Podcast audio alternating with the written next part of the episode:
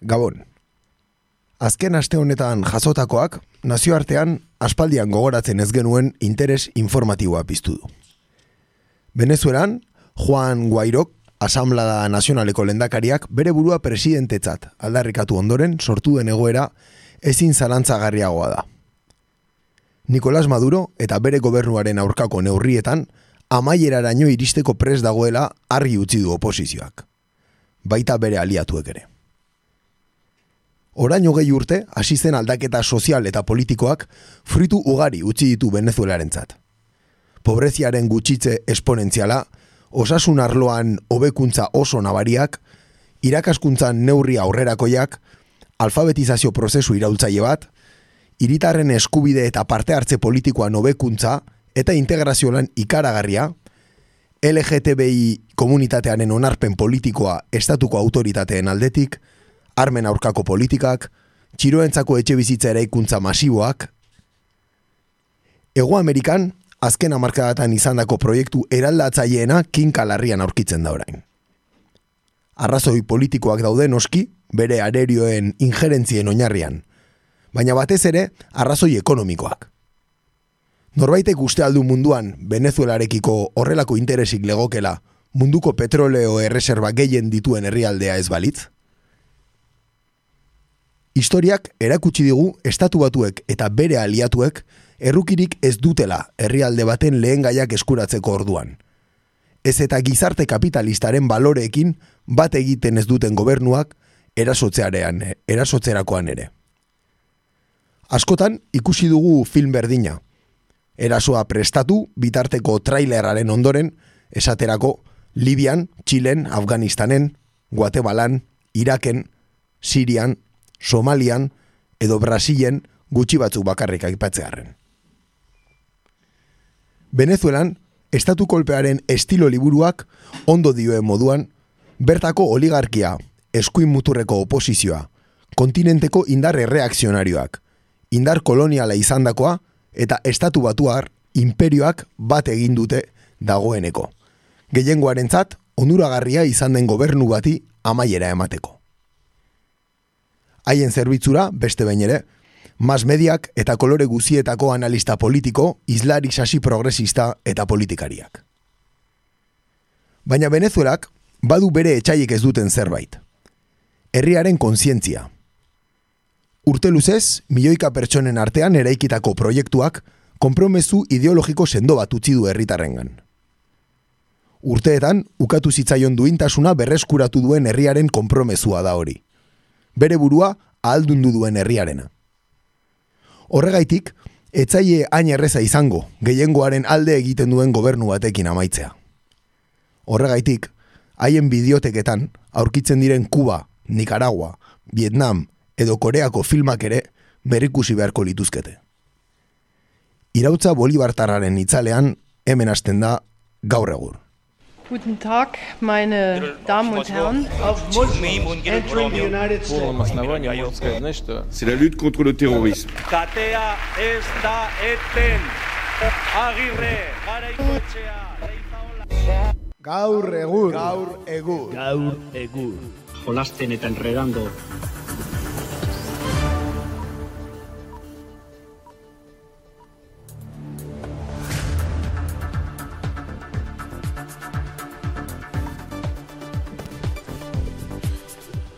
Beno, Gabon, arratsaldeon negu giro bikaina daukagu, eh? E, gaurkoan urtarriaren hogeita sortzia da, eta zuzen zuzenean ari gara kakaintzona estudioetatik.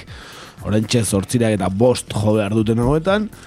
Eta, ba, gaurkoan oso gogotsu gatoz, egia esan, irratsaio berezi xamarra izango delako gaurkoa, gai bakarrarekin. Venezuela. Ongi etorri denoi? Bai, kaixo, gabon. Kaixo, gabon guztioi. Eta hori esan bezala, e, Venezuela buruz arituko gara luze eta zabal, bagenuen gogoa, e, ba, Venezuela buruz luze eta zabal aritzeko, eta, bueno, ba, estatu kolpe hau aitzaki atzat hartuta, ba, aspalditik gogoa geneukan irratxa joa egingo dugu, Venezuelarena. Duari gabe, bai, aktualitateak agindu digu beste behin ere, baina, bueno, aspalditik genekarren, eh, ideia hori. Bai, egia esan bai. E, asko hitz egiten baita Venezuelan, e, Venezuelari buruz e, masmedietan, ez da? Ba, irudi e, ez dagoela beste herrialderik mundu mailan, e, baina, baina egia esan asko hitz egiten da Venezuelataz, baina asko hitz egiten da gaizki eta gauza asko izkutuan utziz. Beraz, ba, gu argi pixka bat ekartzera gatoz e, kontu guzti honetan eta luze eta zabal Venezuelataz hitz egitera. Lehenik eta behin, aipatu beti bezala, ba, Twitterren inkesta bat genuela, eta inkesta hori ba, aurreko astean bidali genuena, ba, e, hause zen. E, Brexitaren ondorio zea, ba, Ipar eta Ego Irlanda banatzen dituen muga berrizarri daitekeenez, ba, ea, uste zen duten Ipar Irlandako gatazka berrabiaraztea ekarriko lukeen honek, Eta, ba, bueno, entzulen gehiengoak euneko irureta magostak, iru laurdenak uste du baietz. Gatazka, ba, berriro berrabiaraztea pentsatzen du jendeak izango dela ondorioa, brexita gauzatzen bada, eta muga berrez hartzen bada Irlanda, Irlanda erdian, ezta? E, inkesta hori itxita, ba, daukago inkesta berri bat. E, Venezuela eta asko hitz egin da aste hauetan, eta Euskal Herrian baldin badukago Venezuela eta asko hitz egiten duen bat, eta Maduro asko kritikatzen duen bat, ba, e, horrazkerarik ederrena duen gure euskal politikaria dugu, ez? Iñaki Anasagasti. Bai, Iñaki Anasagasti jelkidea, bai. E, beti ere gogorraritzen delako. Bueno, ba, guri otu zaigu, Euskal Herria Independente baliz, e, Anasagasti enbaixadore ona izango litzatekeela, ez da? E, balizko independentzia lortuta, ba, hori. E, ea, ze lokutara bialiko zenuketen e, basa hori modura inakian asagasti pentsatu dugu galdetzea eta lau aukera jarri ditugu baina beste erozin erantzun dezakezu alde batetik e, Venezuela jarriko dugu pentsatu ze iraultza bolibardarrak aurrera jarraituko duela ba, bertan e, lan bikaina egin dezakeen basa hori modura ez? Euskalen basa hori modura gaina han jaiotakoa denez ba, Arazorik ez? Arazorik ez, lagun asko izango ditu, eh? batez ere oposizioan. dakit zelan egingo luken Euskal Herriaren alde, baina, bueno, bintzat emendik urruti izango benuke. E, bigarrena Groenlandia litzateke.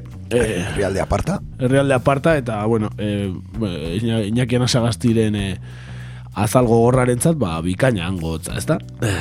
Benetan, lehunduko zaio azala, inakian asagastiri, e, Groenlandia partean. E, irugarrena Tasmania pentsatu dugu, ez da, herrialdea, baina, bueno, e, ba, gian, e, han, e, ba, kizu Tasmaniako deabrua edo dagoela, ez da, ba, bueno, bere lagun izan daiteke inakin asagazti dudari gabe. Eta azkenik pentsatu dugu Euskal Herria independentea balitz, ba, Espainiara bidaltzea, ez, han lagun asko dauzka, errege jauna, errege meritoa, eta ez, era bat e, oso gertuko ditu inakin asagaztik, ez, beti ibili da behekin diskarrean. Orduan, ba, han ere lan bikaina egingo luke seguruenik, ez da? Hau da, Euskal Herriak independentzia lortuko alu eta pentsatuz, ba, independentzia lortze hortan EAJak boterean jarretuko lukeela, ez? Errealistak izan zen, Hori da. E, bueno, ba, inkesta bidali dugu eta aste osoa daukazu erantzuteko.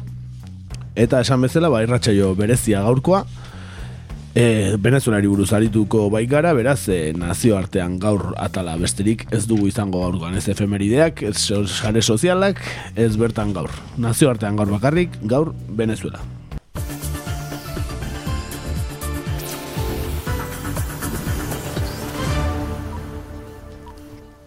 Nazio artean gaur.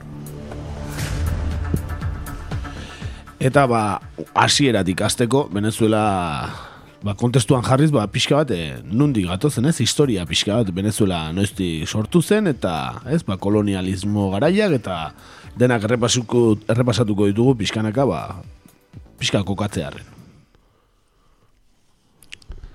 Azteko, esan, Cristobal Colón, mila laren da, laro eta mezortzian, Venezuelara iritsi zenean, Karibiak bizi zirela gaur egungo Venezuelako lurraldean.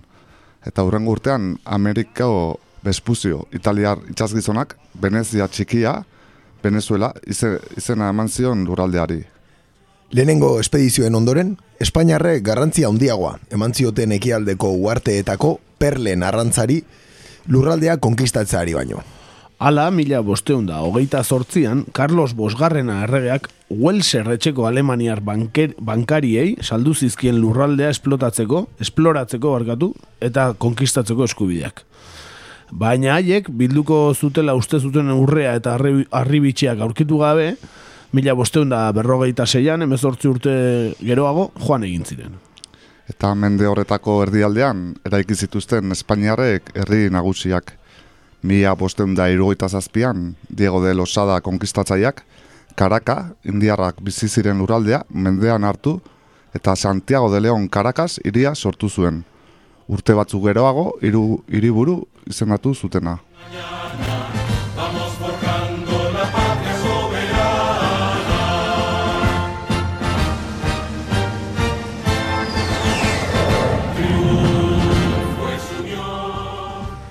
Amazazpigarren mendearen bigarren erdian nekazaritza bultzatu zen, baina hala ere, lurraldeak oso aurrerapen txikia egin zuen emezortzigarren mendera arte.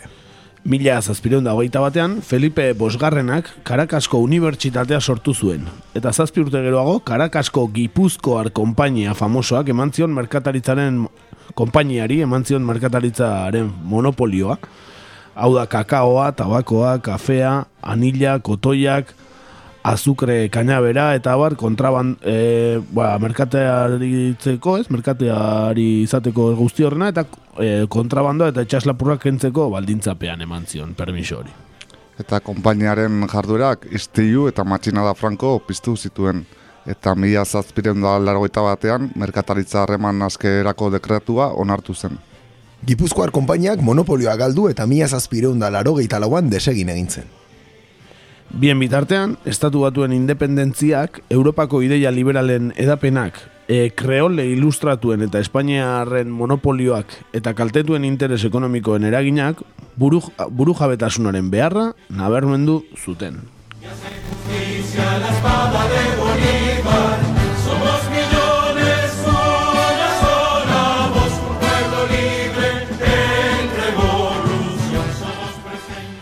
Eta emezortzigarren mendearen bukaerako matxinada batzuen ondoren, mila zortzireun da zeian, hasi zen Francisco de Mirandaren gidaritzapean independentziako gerra.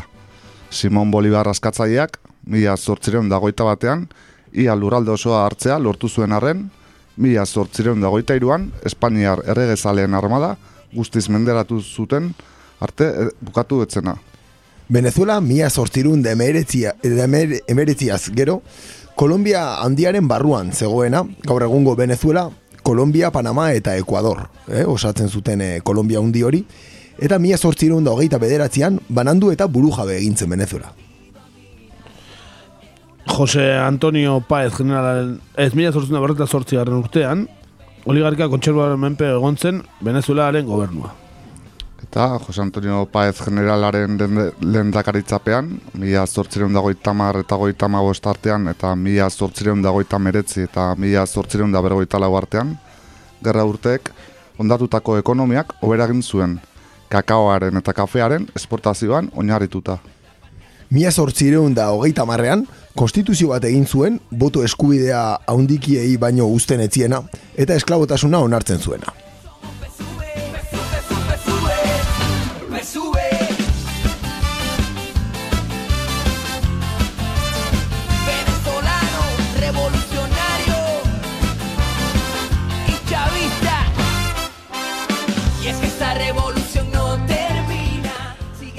Hogei garren mendean, e, petrolioa mila behatzen da amabian hasi ziren ustiatzen Venezuelan, eta mila behatzen da hogeirako munduko bigarren petrolio ekoizlea eta lehen esportatzailea zen Venezuela.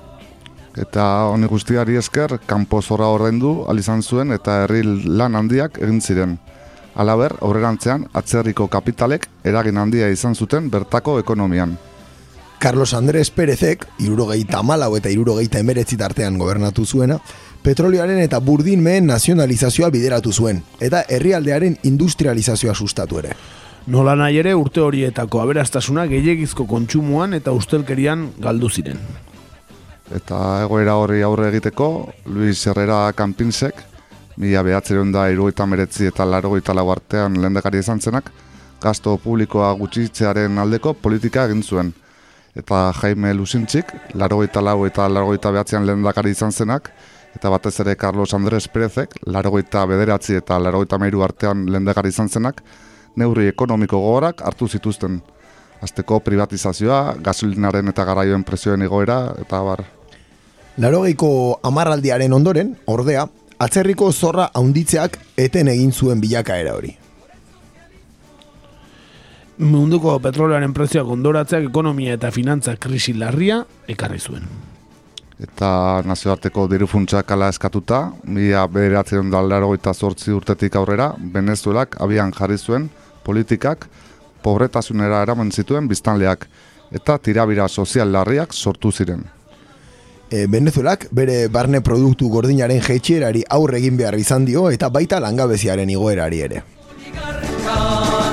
Oído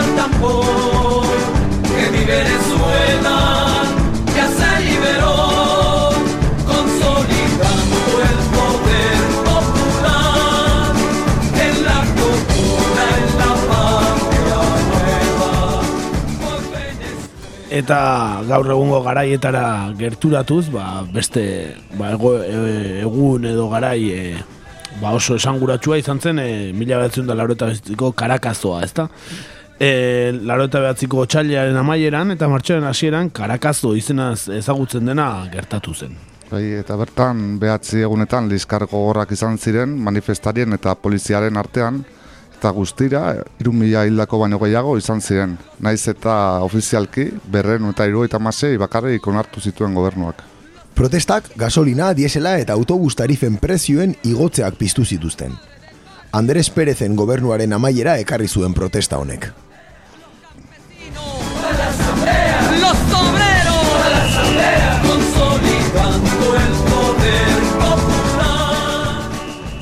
Eta honela etorri zen, ba, azken garaietako Venezuelaren e, ba, lider esanguratsuena eta eta pertsona garrantzitsuenetakoa ez, Hugo Chávez berbera, ba, mila betzen da laro eta amabian, militar talde bat, e, Francisco Arias buruzuela, saiatu zen Carlos Andrés Pérez presidentea kargutik entzen, baina ez zuten bere asmoa bete. Hala ere, egoera hark nabarmen utzi zituen administrazioaren ustelkeria eta ekonomiaren krisia. Bai Arias, bai Hugo Chávez komandantea, atxilotuak biak mugimendu bolibartar iraultzaieko kide ziren.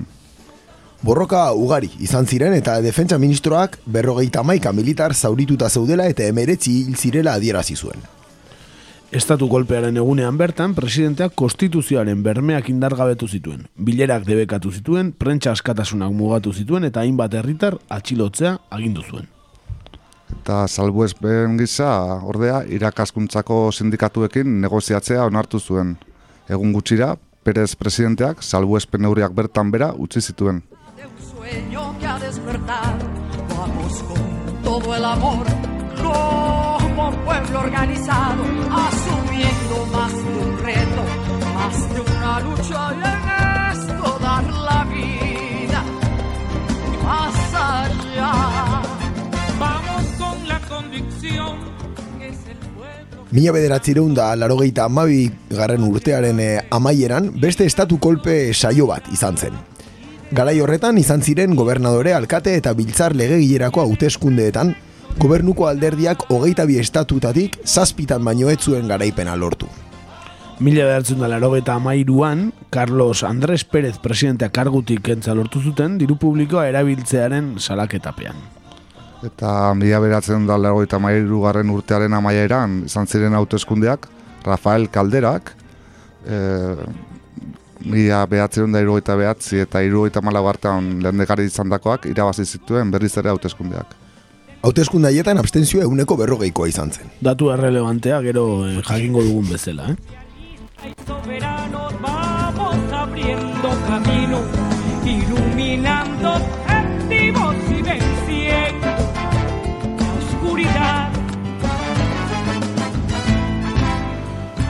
Aipatu behar da, laro garren amarkadan, e, amaieran, ez, laro eta amargarren amarkadan hasieran, ba, Caracas bortizkeria handieneko hiria izan zela Ego Ameriketan. Eta segurtasun faltak gorantz jarraitu zuela. Eta mila bederatzen da lergoita magostean, Karakasko biztanleek, eune, biztanleen euneko amarrek, e, gutxi gora bera, armak zituela esaten zen. Gainera, larogeita garren urtetik aurrera, ekonomia eta finantza krisiak larriagotu egin ziren. Kaldera presidenteak ondasun mugiezinen jabetza pribatuaren eta merkataritzaren gaineko konstituzioaren bermeak indarrik gabe utzi zituen. Eta bestalde, atzerrirako bidaiak mugatu zituen eta baita biltzeko eskuidea ere. Larogeita magostean, gobernuak atzerriko inbertsioak erakartzeko egin zituen alegin guztiak alferrekoak izan ziren. Eta azkenean, petrolioa ekoizteko bertakoei eta atzerritarrei aukera berdinak ematea erabaki zuen gobernuak. Mila bederatzireun da, larogeita amaseian, inflazioak gorena jo zuen eta euneko eun da irura iritsi zen. Eta bien bitartean enpresa publikoak privatizatu eta berrantolatu egin behar izan zituzten. Eta mila bederatzen da larogeita mezortzean, Venezuelak, Saudi Arabia eta Mexikorekin batera, eguneko petroleoko izpena txikitzea erabaki zuen, upelaren prezioa igoarazteko asmoarekin. Y por supuesto con acción. Esto es revolución, patria y demasiado amor. Esto es para luchar todos por nuestra nación. Vamos con todo, vamos luchando codo a codo. Un árbol no hace montaña y no puedo hacerlo solo. Necesario es que despiertes del sistema en protocolo para que la lucha... Mila bederatzireun da larogeita emezortzien e, aldaketa etorri zen. Eta Hugo Chávez hautatu zuten lendakari botoen euneko berrogeita masei koma bostarekin. Baukagu egun hartako eh, parlamentuko presidenteak eh, esan zuenaren zatitxo bat, beraz, entzun dezagun. Ciudadano Hugo Rafael Chávez Frías, presidente electo de la República de Venezuela. Presento a usted el saludo y las congratulaciones del Congreso de la República, en cuyo nombre voy a proceder a tomarle el juramento de ley.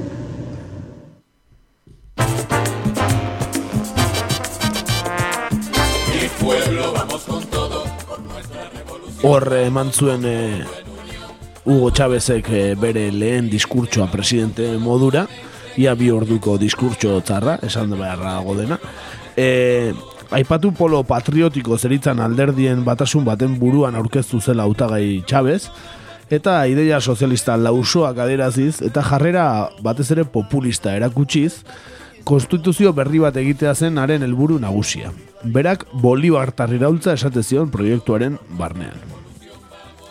Eta e, konstituzio berria me, mila bederatzen da larogeita meretzean onartu zen erreferendumean. Hidrokarburo obiei esker, lehen erabat nekazaria zena handeen inguruko herrialde industrializatuenetako bat izatera pasatu da bi belaunalditan. Petroleoak sortutako etekinak erabiliz, politika soziala jarri izan zuen abian. Soldatak igo, batez ere maila apalenekoak, lanaren babesa, diru laguntzak eta abar. Eta osasunaren eta hezkuntzaren maila garaienetakoa bihurtu zen hirugarren munduko herrialdeen artean. 2000 batean, lurren administrazioari buruzko lege batzuk eman ondoren, liskarra handiak izan zituen oposizioarekin. Eta azkenean, lanuzte deialdia egin zuten sindikatu nagusietako batek eta enpresa buruen ganberak. 2002an protesta handiak egin ziren Chavezen aurka, manifestazio baten ondoren tiroak izan ziren eta bi aldeetako hildakoak izan ziren. Eta oposizioak eta gobernuak elkarri gotzi zioten gertatuka, gertatutakoaren errua. El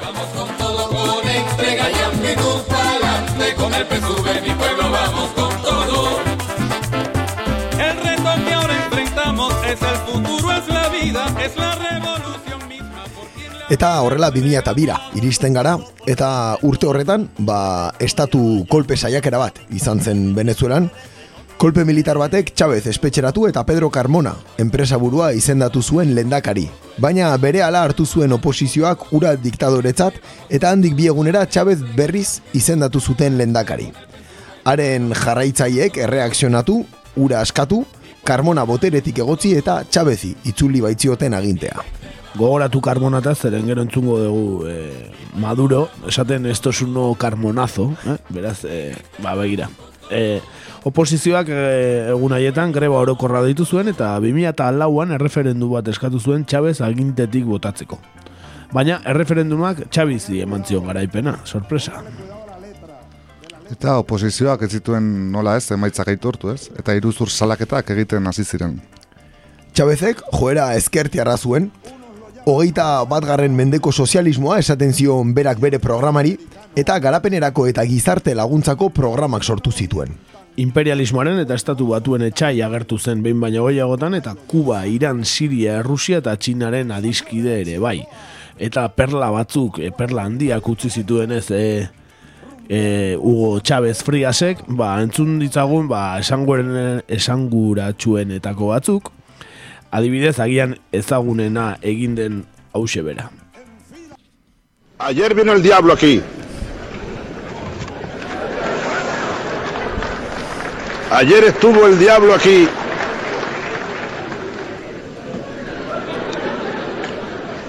En este mismo lugar huele a azufre todavía. Benetan e, historikoa, ez da? E, inguruan hori nazio batuen erakundean, e, ez? E, e, egoitzan esan zuen, eta behitu ingurukoen parreak, eh? mundu guztiko jendea zegoen, eta ingurukoak parrezka. Eta konkrezio egitearen, eh, el diablo George Bush semea zan, ez da? Eh? Ba, George Bush, ba, George W. Bush zan, bere aurretik, e, ba, han hitz egin zuelako aurreko egunean, ez da? Horregatik zen el diablo.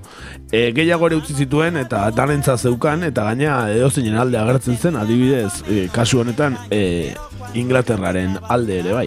Ui, Inglaterraren kontra eta Argentinaren alde. ¿Cuándo tú vas a estar ahí en las Malvinas? Reina de Inglaterra, a ti te hablo. Reina de Inglaterra, ya se acabaron los imperios. ¿No te has dado cuenta, reina de Inglaterra? Devuélvele las Malvinas al pueblo argentino, reina de Inglaterra.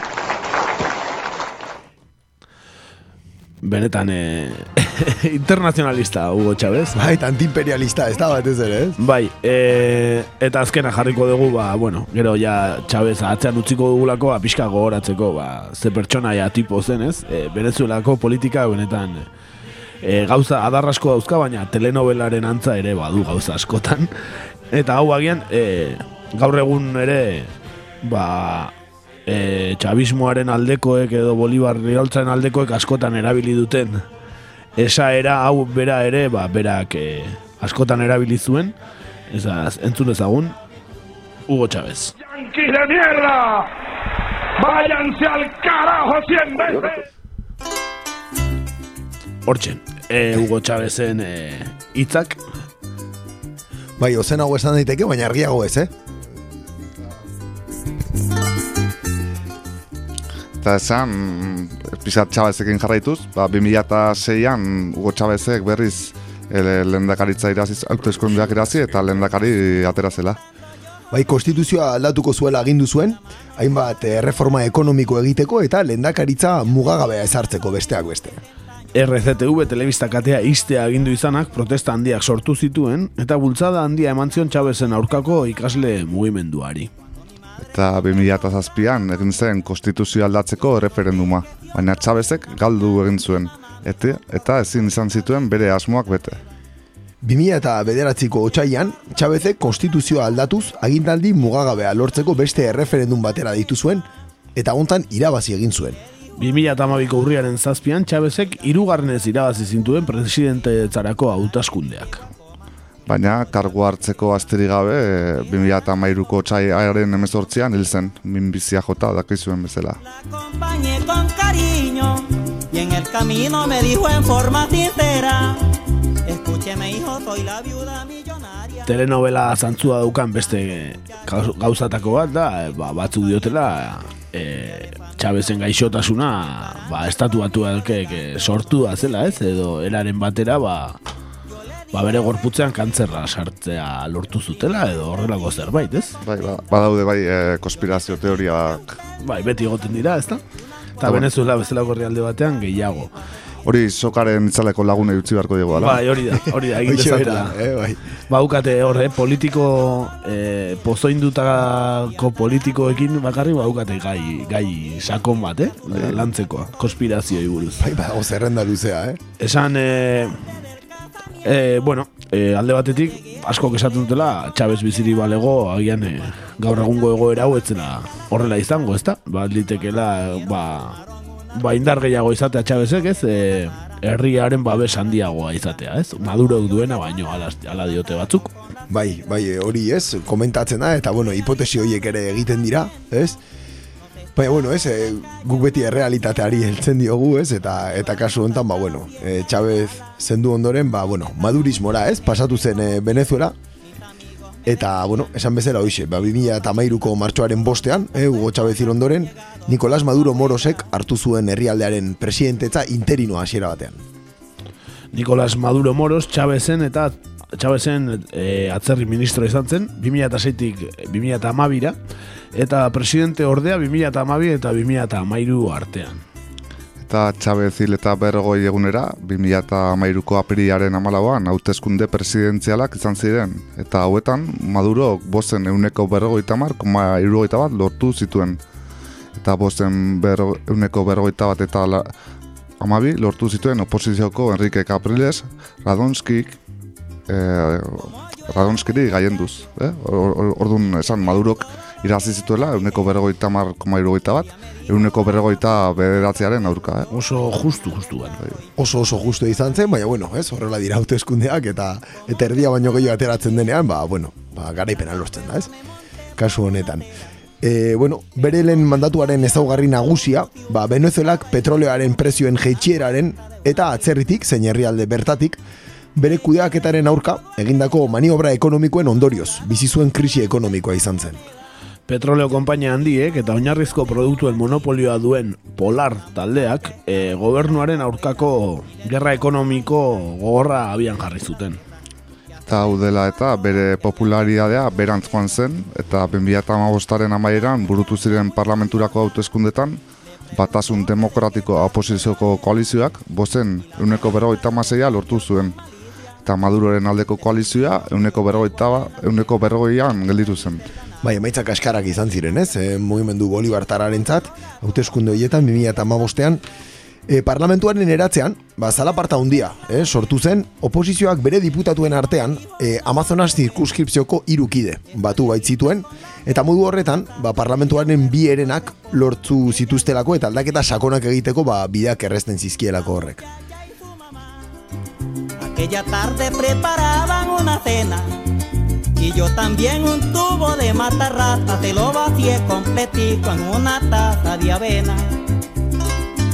Yo me escondí entre el solar y entre las quintas se prendió la zampablera. Denbora berean, auzitegi gorenak hiru diputatu hauen aktak bertan bera utzi zituen hainbat irregulartasun leporatuta, tartean bozak erosi izana, aiba, nola, nola liteke hori. Zer gertatu da?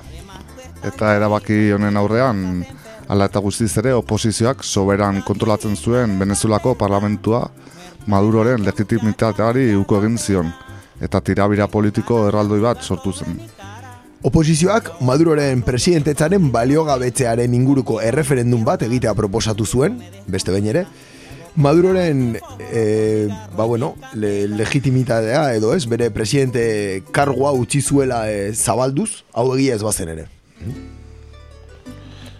Estatuaren bi boteren arteko gatazkak sortzean, Europan ere egin ohi moduan, auzitegi gorenak parlamentuaren hainbat eskumen bereganatu zituen. Adibidez, petroleo salmentaren inguruko nazioarteko hainbat ko- akordio komertzial e, sinatzea, ez?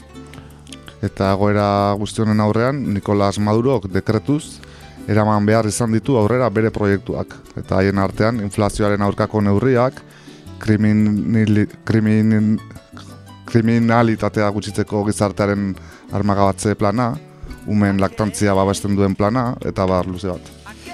Bitartean, e, kaleetan oposizioak antolatutako istiluak ba areagotzen eta kronifikatzen joan ziren, baita eundaka hildako egon ere. Oposizioko kide, Maduroren aldekoen artean, sakeatzaileen artean, zibilen edo polizien artean. se marchó aquel, aquel turbial ayer se fueron los dos. Porque 2000 eta amazazpigarren urtean, barne enpresa handiek Maduroren gobernuari egindako presio ekonomikoei nazioarteko zigor ekonomikoak gehitzean joan zitzaizkien eta estatu batuek, Kanadak eta Panamak haren kontrako neurriekin jarraitu zuten. Eta gaur egungo egoerara nola heldu garen ondo ulertzeko ezinbestekoa da azken urtean gertatukoa, gertatutakoa ondo aztertzea. Señores, si te la llevaste eternamente contigo, si se fueron tras su huella todos sus fieles amigos, deja que yo también muera para tenerla conmigo. Tentsio sozialari eta estatuaren botereen arteko talkari, irtenbide bat emateko asmoz, Maduroren gobernuaren eta oposizioaren arteko negoziazioak hasi ziren Dominikar Errepublikan. Bertan, egoerari irtenbide baketsu eta demokratiko bat emateko ahaleginak egin ziren, eta nazioarteko implikazioa ere lortu zen. Eta elkarrizketa hauetan, Danilo Medina presidente Dominikarra eta José Luis Rodríguez Zapatero, PSOEko Espainiar presidentoia, izan ziren bitartik, bitartekariak. Zapatero asko kritikatu zuten honegatik, entzun dit ezagun, e, garai hortan Zapaterok egindako adierazpin batzuk entzun ditzagun. He estado creo que 37 veces en, en Venezuela en los últimos tres años y, y, bueno, pues, en fin, con humildad digo, creo conocer lo que ha pasado y lo que sucede. Y que cualquier dirigente político, mm, especialmente, no solo europeo, especialmente español, en mi opinión, debería de favorecer, uno, que no haya un conflicto civil, cuyas consecuencias pueden ser dramáticas. Dos, favorecer el diálogo. Favorecer el diálogo, el reencuentro. Y eso no se consigue si demonizamos a una parte frente a otra. Horixe zioen Zapaterok, eh? No, si demonizamos una, una parte frente a otra, bueno, bastante kritikatu zuten Zapatero eh, garai hortan, eta baita ba, oposiziotik ez, Venezuelako oposiziotik ere, eta...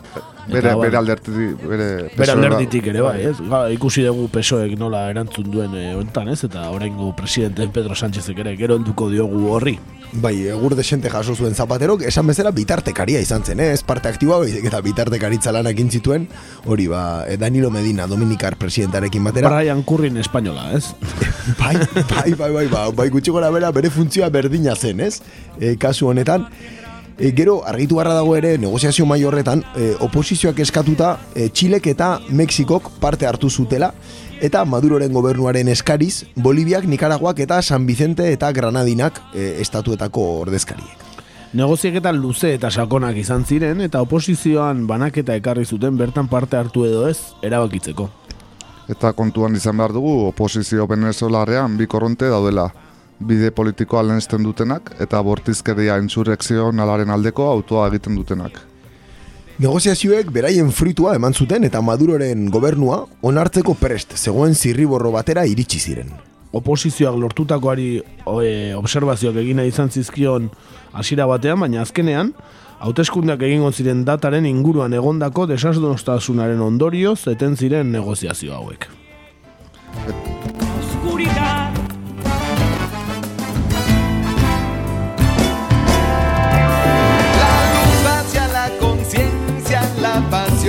Hasta el canto, las palabras infinitas. Eta Madu- Maduroren gobernuak 2018ko martxoaren sortzian proposatzen zuen eta oposizioak kainaren amarra. Eta bitartekariek erdibideko data bat. Aprilaren hogeita bia proposatu zuten, baina oposizioak ez zuen onartu. Lortutako zirriborroan, hauteskunde prozesu adostu bat proposatzen zen, data eta bi aldeentzako bermeekin. Nazio batuen presentzia ere mai gainean egon zen hauteskunde horietarako. Elkarrizketen porrotean faktore garrantzitsua izan zen estatu batuen jarrera negoziaketak iraun bitartean.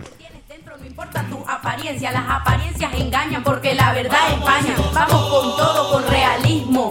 Somos ejemplo para el mundo. Eta Amerikar estatuen erakundean, estatu batuetako enbaixadore den Carlos Trujillok, elkarrizketa hauetan, Zapaterok, porrot miserablea jaso zuela esan zuen. Trujillo gaineratu zuen hitzegin nahi ez duen pertsona batekin ezin dela elkarrizketarik izan, eta Venezuelako gobernuak ez duela elkarrizketarako asmorik. Excelencia, vamos con todo, pero nos vamos con prudencia. La revolución se hace en el corazón, va más allá de la existencia. Va más allá de la existencia. Ikusi dugun bezala Zapatero hori egur asko banatu zioten alde guztietatik, eh? Bai, bai, eta estatu batu arrestamenduetatik egia esan, bueno, ba, mezuak etengabe ez, iristen joan ziren, be, bueno, ba, haiek egindako lanaren aurka ez, bitartekarien kontra.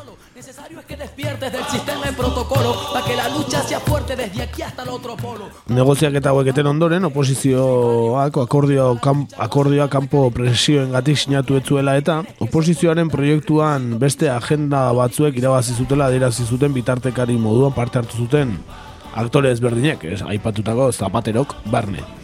Baita, deklarazio hauen ondorioz, ba, bueno, Venezuelar oposizioak e, Zapateroren aurkako kanpaina bat, abian jarri zuen, Maduroren lagun izatea leporatuz. En fin, Bai, bai. Zapatero, Maduroren lagun.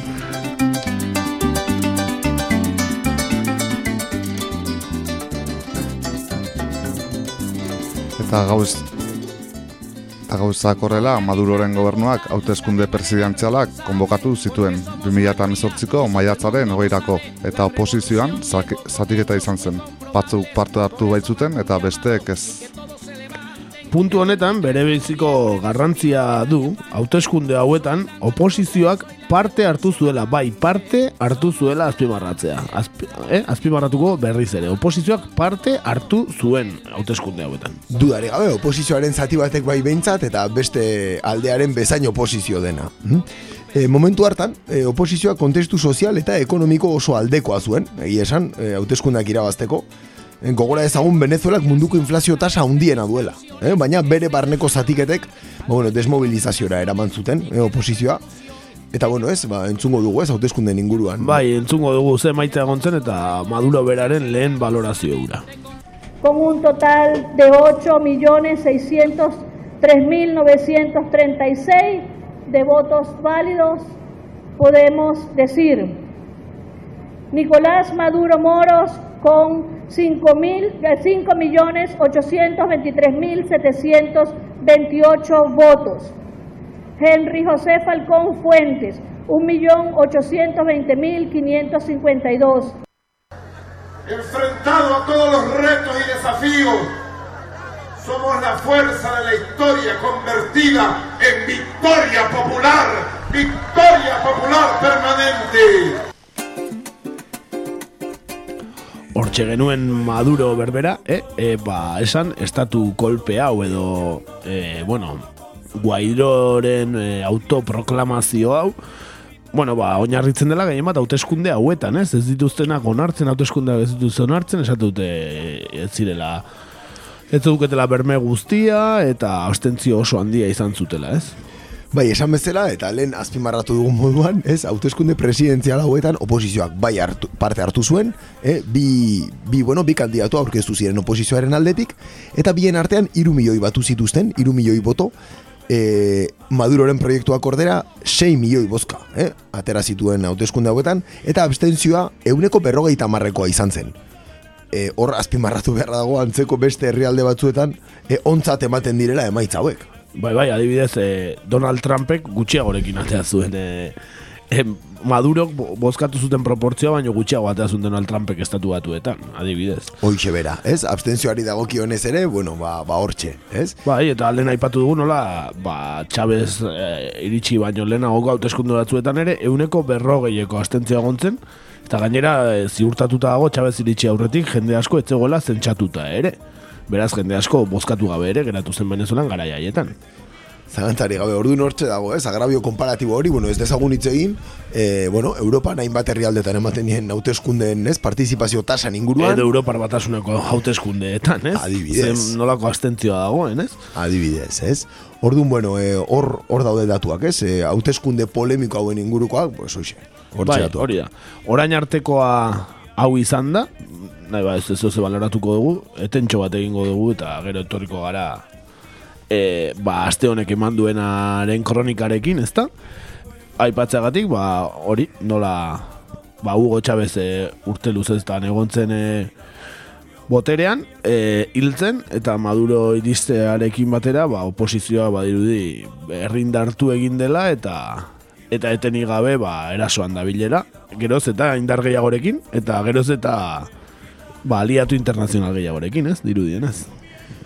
Bai, bai, bai, dirudi, ez? E, jende asko apuntatu dela, ez? E, Guaidoren autoproklamazio horretara, orain komentatuko dugu moduan, eta bueno, ba, Hori da, etentxo bat egingo dugu, ekarri dugu e, atera zuten disko bat, Euskal Herria Venezuela Palante, bere garaian, e, ba, talde asko daude, ba, e, bai Venezuelakoak eta bai Euskal Herrikoak, adibidez, Bad Sound System dago bertan, Bad Sound System eta Sorkun, eta beraien abesti itxoa jarriko dugu, ba, etentxoa egiteko. One love, love, Yeah, yeah, hijos de la misma rabia, rabia. Díganle que no queremos ningún enfrentamiento con ellos. Pasará nada absolutamente.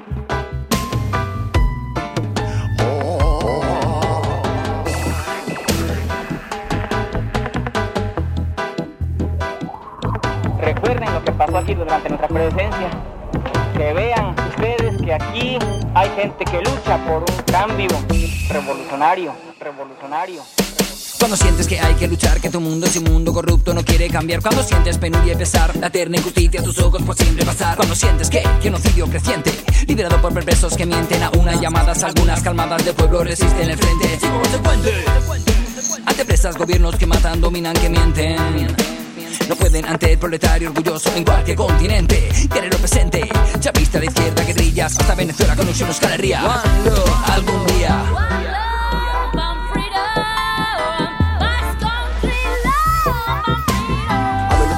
A menudo es difícil amar, a menudo tan fácil odiar, a menudo, a menudo dar, a menudo ver, a menudo ser, a menudo que, a menudo siento, a menudo el pueblo resistiendo, pueblos que se unen para seguir combatiendo, a menudo el fuego sé que nos acaba uniendo, one, one, no es galería, Venezuela, es, es, a menudo, es, a menudo, a menudo piensa lo que cuesta, lo que suda para adentro, de todo lo que siento, a menudo pasan cosas malas en el mundo, no lamento, miren, es galería, Venezuela, respiren, a menudo los pueblos viven, solo porque somos lo que somos y si somos. One, love, love.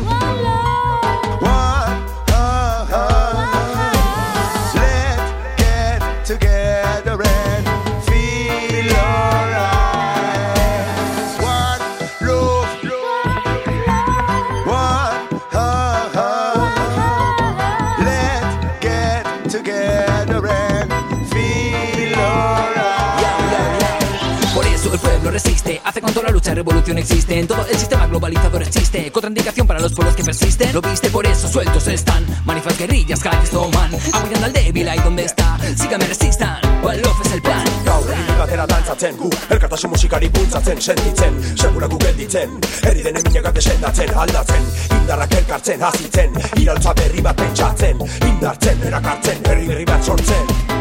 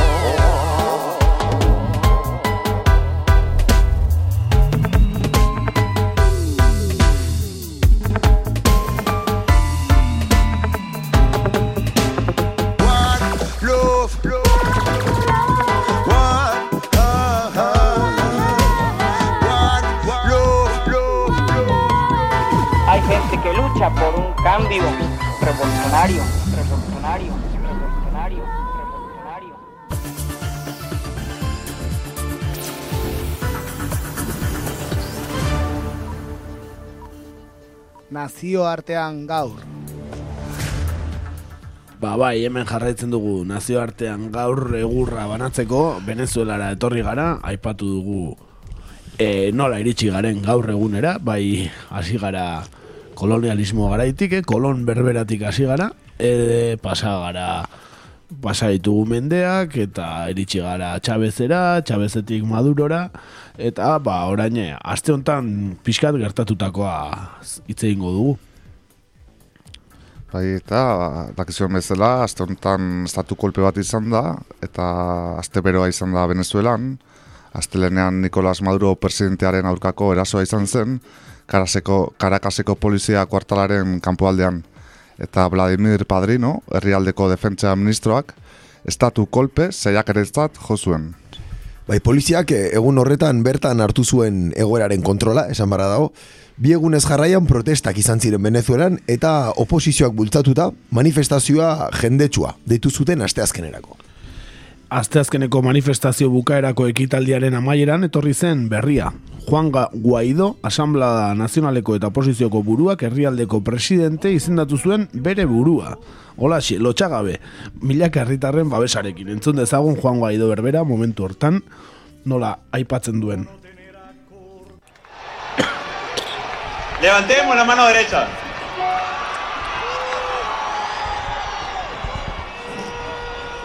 Hoy 23 de enero de 2019, en mi condición de presidente de la Asamblea Nacional, invocando los artículos de la Constitución Bolivariana de la República de Venezuela, toda nuestra actuación basado en nuestra Constitución, ante Dios Todopoderoso, Venezuela, el respeto a mis colegas diputados y miembros de la unidad. Juro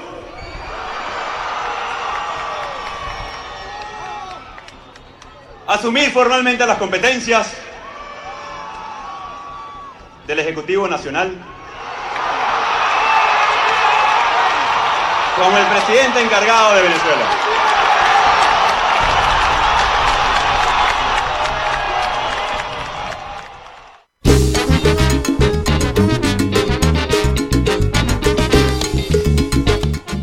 Horrelase, bat ere lotxari gabe, eh? Bere burua presidentetzat, eman eta listo, ni jun bar naiz jorien parera, eta esan bar nire burua lehendakari berria da, eta aurrea, eh? Eta listo. Bai, bai, megafono batekin eta konstituzio txiki batekin eskua, no? Ez dago... Eskuin, eskuin besoa goraka, eh? Claro, claro. Zakigu zergatik, eh, eskuina, baina bai, bueno, pentsatu dezakegu. Eta hortxe, bere burua presidentetzat jo, eta bega, aurrea. Eta gaina jendeak onartu. Bai, bai, eta babesa jaso, eh, bueno, gero komentatuko dugu moduan, oso minutu gutxitan. Eta entzun dezuen bezala, Maduro hori joateko eskatu zion Guaidok, eta urratsa hau egin dut usurpazioa eteteko. Esan zuen tra- e, Guaidok, trantsiziorako gobernu bat sortzeko eta hauteskunde libreak egiteko. Pentsatuko duzuen moduan, Nicolas Maduro Morosek, ba, bueno, bere alakoan erantzun zion, eta herriaren subiranotasunaz mintzatu zan eh, Maduro, herriak bakarrik jar eta ken dezake presidentea, eta herriak ez du erabaki erantzun zio Madurok. Oposizio kideen jarrera bidegabea dela esan zuen eta orain justiziari dagokiola esku hartzea. Dena den, kargua inolaz ere ez zuela utziko ere ari- adierazi zuen eh, Madurok berak. Eta Juan Guaidok bere burua Venezuelako presidente izendatu eta minutu gutxira, Donald Trump, e, Ameriketako estatu batuetako presidenteak, bere jarrera honetzi zuen bere ala. Bai, e, estatu batuen esku hartzea argia ikusirik, Madurok fokoa Guaidorengan jarri baino, estatu batuengan jarri zuen. Estatu kolpeak, estatu batuen interesak biltzen dituela esan zuen. Beraien gobernu imperialistak bere interesak aplikatu nahi ditu Venezuelan, erantzun zien Madurok. Entzan duzago Madura bera. El gobierno de Estados Unidos ayer dio una orden como nunca habíamos visto en la historia de Venezuela.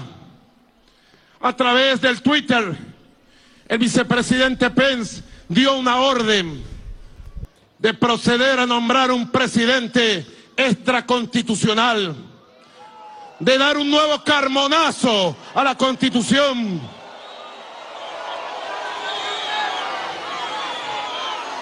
Y hoy se comieron la luz. Se comieron la luz.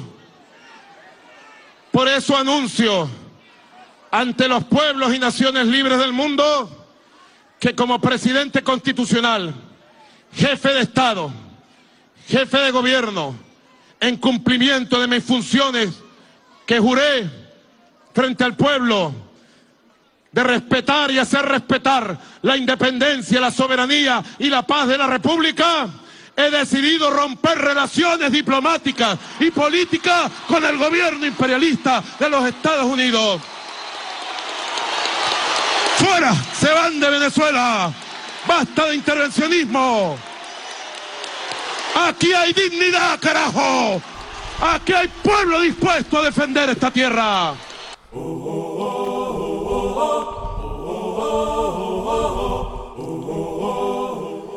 Bueno, bukaera hortan, eh, Hugo Chávez berbera eh, ematen zuen, eh? Bai, bai, Hu- Hugo Chávez jaitsi zen momentu batean, eh? Azken Bai. mezu hori bere hagotan jartzen. Bai, bai, que hay un pueblo digno, esan zuen, eh, bai, Chávez, goratzen dizi, carajo. Bai, bai, bai.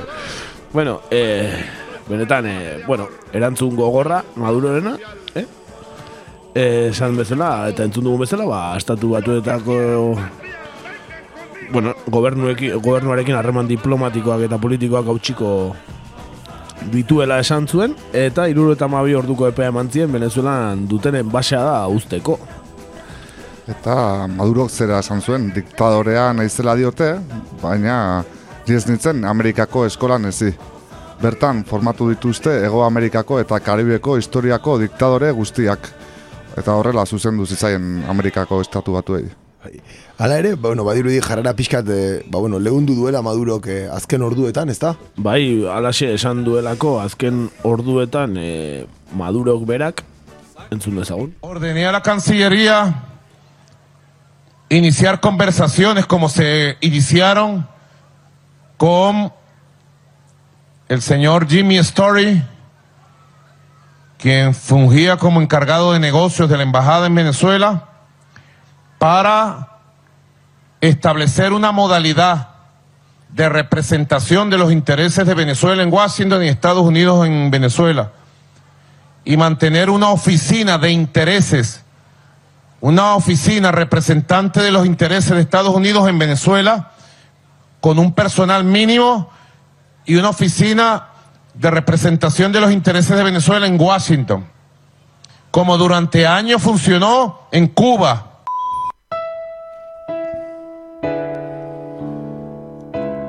Bueno, ba, iruruta mabi ordu pasata gero, hori xe esan du Madurok, eh? Ba, dirudien basa ustea bai, baina, bueno, eh, representazio minimo bat izango dutela estatu batuakeko gobernuak Venezuelan. Dio, urteetan Kuban bezala. Bai, badirudi honek ere baukala bere zergatia, ez? Gero ikusiko, gero ikusiko dugun moduan, ezta? E, baina, bueno, erreakzioetara pasatuko gara, ezta? Bai. Eh, nazio artean izan dako erreakzioetara. Bai, eta estatu batuen atzetik etorri dira kontinenteko herrialde gehienak. Bai Kanada, bai Brasil, bai Paraguay, bai Colombia, Argentina, Peru, Ecuador, Costa Rica, Chile eta Guatemala. Bai, e, egia esan, bueno, e, denetarik entzun da, e, Dominikar e, Errepublikako negoziazioetan oposizioarekin akordio batera iritsi ziren, baina dokumentua prezegoenan oposizioak atzera egin zuen, lehen komentatu dugu moduan, Oposizioak ez du lako negoziaziorik nahi, elkarrizketa prozesua asko egon dira, baina beti modu berean amaitzen dira. Oposizioak alde egiten du, ez? Hala dirudi. de aquellos que jamás, de aquellos que jamás tuvieron nada. Bai, Esan, eh, Kolombia eta Estatu Batua direla benetan eh, garrantzizko eh, agenteak gu- guzti honetan, ezta? Bai, eta batez ere, ez, eh, Santos Uribe eta Iban Dukeren papera, ez, kon, noski Kolombiaren papera, eh, bakiz- ba- dakizuen bezala eh, Dominikar Republikako negoz, eh, negoziazioetan, eta oposizioarekin akordio batera iritsi ziren, baina dokumentua prestegoenan, dakizuen bezala, oposizioa katzera egin zuen, ez? Hala da, hala da. E, benetan, e, esan, e, harritzeko dela, ze erreakzioa izan duen e, munduan e, e, Guaidoren e, autoproklamazio honek, ez? E, irakurri nuen e, Trumpek erantzun zuela autoproklamazioa eta hogeita zortzi minutura. bai, bai, horri egontzan, no, horrek sinkroni, sinkronizazion de datos, deitzen dena gaur egun, ez Ba, da? bai, ez dakit, harrapatu zuen justo hortxe, eh? taka, albistea, eta ja, erantzun ofiziala twi- Twitterren, Trumpek lehenengoan, eh? Ez dakit, agian zeo zer bazekien lehenago, eh, ez dakit, ez dakit. Bai, gero egia da, ez, eh, jasotako babesen artean badagoela bat batez ere, ez, Guaido jasotako babesen artean badagoela bat nahiko, bueno, ba, e, espero, gutxien espero zena igual Ekuadorren babesa izan dara, ez da? Bai, baliteke, ez? E, Lenin izeneko presidentea duen Ecuador, ez? Lenin Moreno, ba, ba Guaidoren alde agertu dela, ez? Eta esan er, Rafael Correaren ondorengoa dela, alderdi berdinekoa edo mugimendu berdina ordezkatzen omen duen Lenin Moreno, ba, alde agertu da, eta Rafael Correa berriz Maduroren alde agertu dela. Bai, hortxe ez, e, ba, bueno, kontuaren e, paradojak, ez da? Bai. E, bueno, alde ere ez, ba, bueno, Maduro ere norbaitek sustengatu du, ezta? Bai, bai, defendatu dute askok. E, bestea beste, Bolivia, Kuba, edo Mexiko, orain badakizue Mexikon e, López Obrador dagoela, ez, e, presidente berria, eta ura ere Maduroen alde agertu da, eta ez hori bakarri, baita bitartekari modura ere aurk- aurkeztu du bere burua, e, oposizioa eta eta Bolivar Bolivaristen alde. E, baita ere, Txina eta Rusia ere bai, ez? E, besteak beste, beste herrialde eta erakunde asko ere bai munduan, naiz eta agian ez gobernatu, ba, herrialde asko, e, tako alderdi asko eta... Bai, adi- adibidez Ego Afrika bezalako herrialdeak, badakite Maduroren alde posizionatu direla, baita Afrikako beste hainbat herrialde, ba, Ekuatoriar Ginea eta beste hainbat, bai. Esan baita ere, ba, adibide gixara, Palestinako jamas alderdia ere, ba, Maduren alde agertu dela, eta estatu batuen ingenierentzia eta estatu kolpea kondenatu dituela, eta horrela mundu zabalean, ba, batzuk alde, esan dezagun eskuindarrak alde, hola, orokortzeagatik, eta ezkerrak, e, ba, ba, Maduren alde, ez? Esan dezakegu. Bai, bai, horrez, historia, ez, eh, faktore historiko guztiak, ez, agertu dira hontan, ez, ba, bere garaian herrialde ez alineatuak zirenak, ez, edo, ez, ba, sovietar blokeko edo komunista blokekoek, ba, Maduro, ez, sostengatu dute, eta eta gainontzekoek ez, ez? Hori da, edo, edo bestera ondo esan da, e, Bushen garaian e, eje del mal zirenak, ez? Edo, Bai, hori da.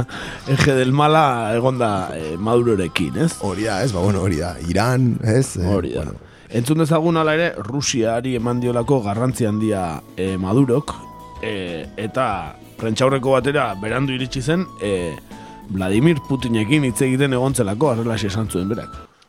Tuve una llamada casi a la hora en que iba saliendo del presidente de Rusia, Vladimir Putin, con el cual conversé unos 20 minutos. Presidente Putin siempre solidario con Venezuela.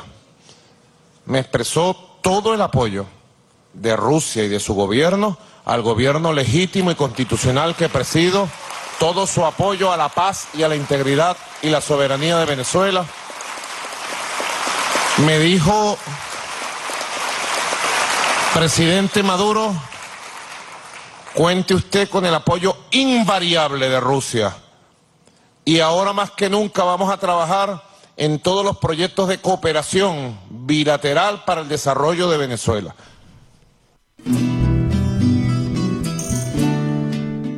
Horrelaxe Vladimir Putinek, eh, hemen dena, ematen du laro garren o amarka gara bueltatu gala, iruro eta margarren amarka gara, eh? bai, gerra hotzeko, eh? bai, kontua, bai, eh? eh, Rusiarrak Kariben, eh? eta ezkertiarrak eta komunistak Kariben, eta eta erreakzionarioak estatu batuetan, eh?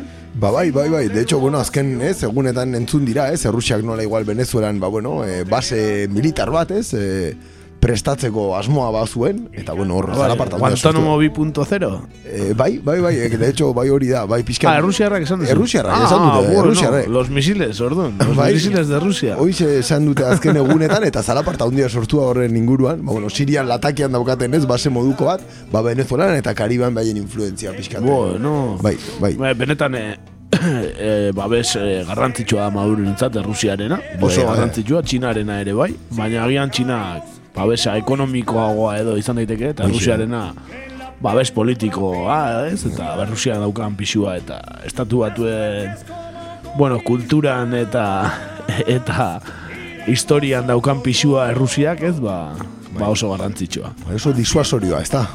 Beste herrialde garrantzitsua, naiz eta ez duen botere ekonomiko handirik, ez da botere militar handirik ere, baina hala ere, ba Venezuelaren ondoan urte oso as, askotan, ez? Urte guzti hauetan, Chavez, Chavismoaren urte hauetan, ba oso garrantzitsua izan den eta hortxe, Karibeko itsasoan dagoen, ba Kuba da, ez?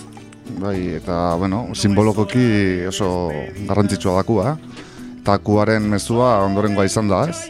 Kuba ez da Amerikako eh, estatu erkideko ekide, eta hango gobernuak azpimarratu zuenez, Amerikako estatu batuek Guaido aitortu dute Venezuelako petrolio bal- baliabide zabalak kontrolatu nahi dituztelako. Bai, kontuan hartu behar da petrolio astuneko erreserba handienak dituen herrialdea dela Venezuela eta mineral estrategikoetan ere aberatsa dela. Noski. Bai, hombre, hor, atzean horixe dago, ez? Arrazoi nagusia, ez? Arrazoi ekonomikoa dago Venezuelaren ba, kontu guzti honetan, ez? E, beste herrialde bat balitz e, Maduro presidente zuena, ba, agian e, etzan horrelako hori gertatuko, ez? Seguru aski. Bai, datu moduan e, jakitea Venezuelak egunean e, iru milioi upel petrolio produzitzen dituela, iru milioi egunean. Hm? Ia, ia, atiteko. ia, ia Euskal Herria bezain beste. Hoize bera. El que es cobarde y traidor, iremos hombro con hombro, haciendo patria y camino. Beste faktore garrantzitsu bat e, be, Maduroren alde agertu dena, ba, Venezuelako armada izan da, ez? Militarrak. Esan e, militar hauek leialtasuna adierazi diotela Madurori, elkarrizketarako pres dago presidentea, eta indar armatu nazional Boliviarrak Nicolás Maduro presidentean alde ba, egin duela. Y cantarle a la razón. Eta esan, esan bezala, e, aurrena, zenbait generalek adirazi zioten leialtasun erabatekoa Errepublika Bolibarreko presidenteari. Eta gerosoago, Vladimir Padrino López defentsa ministroak agerraldi egin zuen militarrez inguratuta. Eta agiri bat irakurri zuen ba, ejertzituaren izenean. Bai, Guaidoren eh, jarrera gaitzesgarria salatu zuen eta ohartarazi zion armadak inoiz ez duela onartuko inposatutako presidenterik. Guaidok ejertzitoari ere esan dizkio gauzatxo batzuk. Entzun dezagun. Es el momento de ponerse del lado de la Constitución. No es el momento del miedo. No es el momento de echar para atrás. No es el momento de respetar al pueblo de Venezuela. Soldado de la patria de Venezuela, hoy te doy una orden. No dispares al pueblo de Venezuela. Si es posible en mi pueblo la paz, si es posible combatir el odio, si seguimos cantando a la Esan baita ere, Guaido gaur esan duela, e, bere alde agertzen diren e, militarrei, naiz eta lehen momentuan Maduroren alde agertu diren, amnistia emango diela esan duela. Ba, zerbait ez, bere eskaintzaren barnean, eta? Bai, bai, ba, militarra agintzen hasi da, behintzat, eh? Kolpea ematen duenak amnistia eskaintzen die gainontzeko erik, jo, bai. Ea, ea, bea, berak nola bukatzen duen. Abrazando la esperanza de una patria socialista, la que Esan beharra dago, ba, guzti honean atzean ere, badagoela limako taldea esan dena, ezta?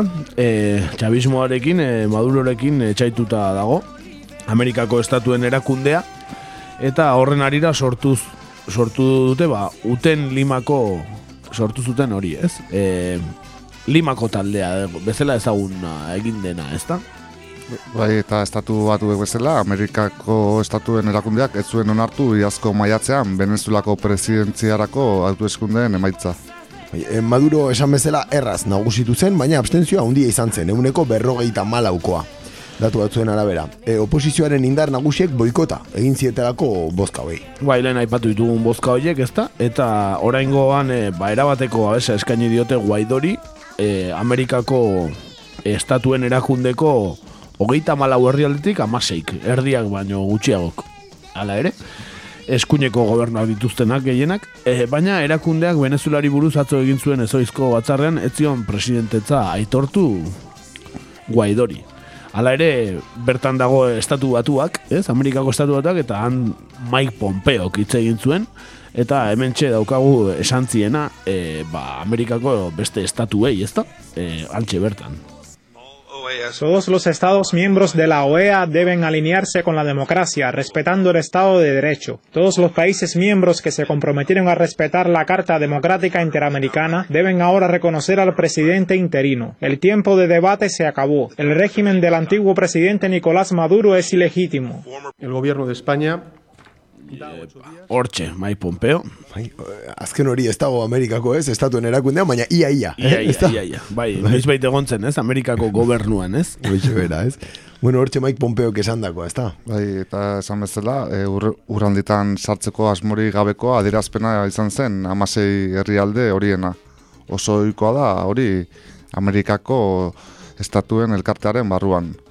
Albaren antipodetan legoken taldea da. Bai, limako talde hau, ez? Alba, alba ba, beste gauza bazen. Ia, ia, deusestua dagoen alba, ez? Ba bai, bai ez, albaren ez, antitesia ez, sortu dute limako talde honekin. Guarda tu destreza para la reserva. Guarda proyectiles para los marines. Gogoraztu dezagun zer zen alba. Bai, ba, Ameriketarako Bolibartar alternatiba edo alba, eh, jatorrizko izena gaztelaniaz, eh, daukana, eh, alternativa bolivariana para los pueblos de nuestra América. Hugo Chávez eta Fidel Castro 2004ko abenduaren amalauan e, sinatutako ituna da e, Alkaren gaztelaniazko área de libre comercio para las Américas Ameriketako merkataritzako ask, e, merkataritza askeko eskualdearen itun alternatibo gisa sinatu zena hau neoliberalismo gogorrago baten bultzatzailea baino etzela estimatzen zuten e, erdion menpokatosunaren eragile zena Eta esan bezala, honen kontra, herrien garapen independentean eta osagarritasun ekonomikoan oinarritu- oinarritutako ituna izan zen alba, ez? Helburua zein zen, ba, Latinoamerikako herriak zilegiago, kultuago, parte hartzaileago eta elkartasun handiagoko gizarteetan eraldatzean. Beraz, merkataritza kriterio soiletatik urruntzen da bizi baldintza hobeak eskuratzeko prozesu integral baten beharra aldarrikatzen duelarik albak. Esan bezala hau zen alba, e, 2004an, orain amabost urte sortutako e, erakundea, eta ia ez dakit desistitute ere egingo dan. Kuba hor dago, Bolivia ere bai, baina ez dakit gehiago dagoen. Nikaragua agian, hor jarraituko du Nikaraguak, eta El Salvadorrek agian, baina askoz gehiago ez dut uste Bai, baina ez dago, ja... Bueno, Venezuela ere bai, ez? Noski. Venezuela Claro, ere bai. Baina bai, egon ziren Brasil, eh, Argentina ere bai, ez? Bai. Eh, Bai, Chile ere bai, igual. Eh, Bolivia, Ecuador. Ecuador ere bai. Bueno, gutxinaka desintegratzen ari den taldea du alba ere. Estamos mar adentro y tú en la orilla. Te reventamos vaso y hasta la vajilla. Respeta. Métodos que no contemplan los guetos de hoy. Piensa y escucha los consejillos que te doy. Bolívar vive y no es un gusto. Anda con cuidado, no te vaya a pegar un susto. Hemen Guaidok eh, jasotako babesa gehien bat munduan eta e, Ameriketan eta bere herrialdean bertan, ejertzitoa eta bar, baina e, oraindik ez dugu aipatu Europa, ezta? Hori da, eta Europar batasunak ere Guaidoren alde egin du. Eta bertako estatu garrantzitsuenek zortzi egun eman zizkioten atzo Madurori hauteskundeak deitzeko. Tartean dira Alemania, Frantzia eta Espainia. Hori da, eta Sánchez berak, ez? Pedro Sánchez Espainiako presidenteak berak, eman zizkion, e, zortzi egun, e, libre eta demokratikoak e, e, aldarrikatzeko edo antolatzeko e, Maduro hori, ezta? Gaur erkorekak ere, eh? Josu erkorekak ere. Hori da, entzun dezagun e, ba Pedro Sánchez Espainiako presidentea. España da ocho días a Nicolás Maduro para convocar elecciones libres, transparentes y democráticas. Y si no ocurre, reitero, si no ocurre esto, España reconocerá a Juan Guaidó como presidente encargado de Venezuela para convocar dichas elecciones. Hortxe. E, Pedro Sánchez, eh? batzuentzat el breve izan bartzena, bueno, hortxe dago oraindik eta gainera papel garrantzitsua orentxe bertan e, internazionalki, ez? Espainia Venezuelan badaukalako ba, garrantzia eta influentzia, ez?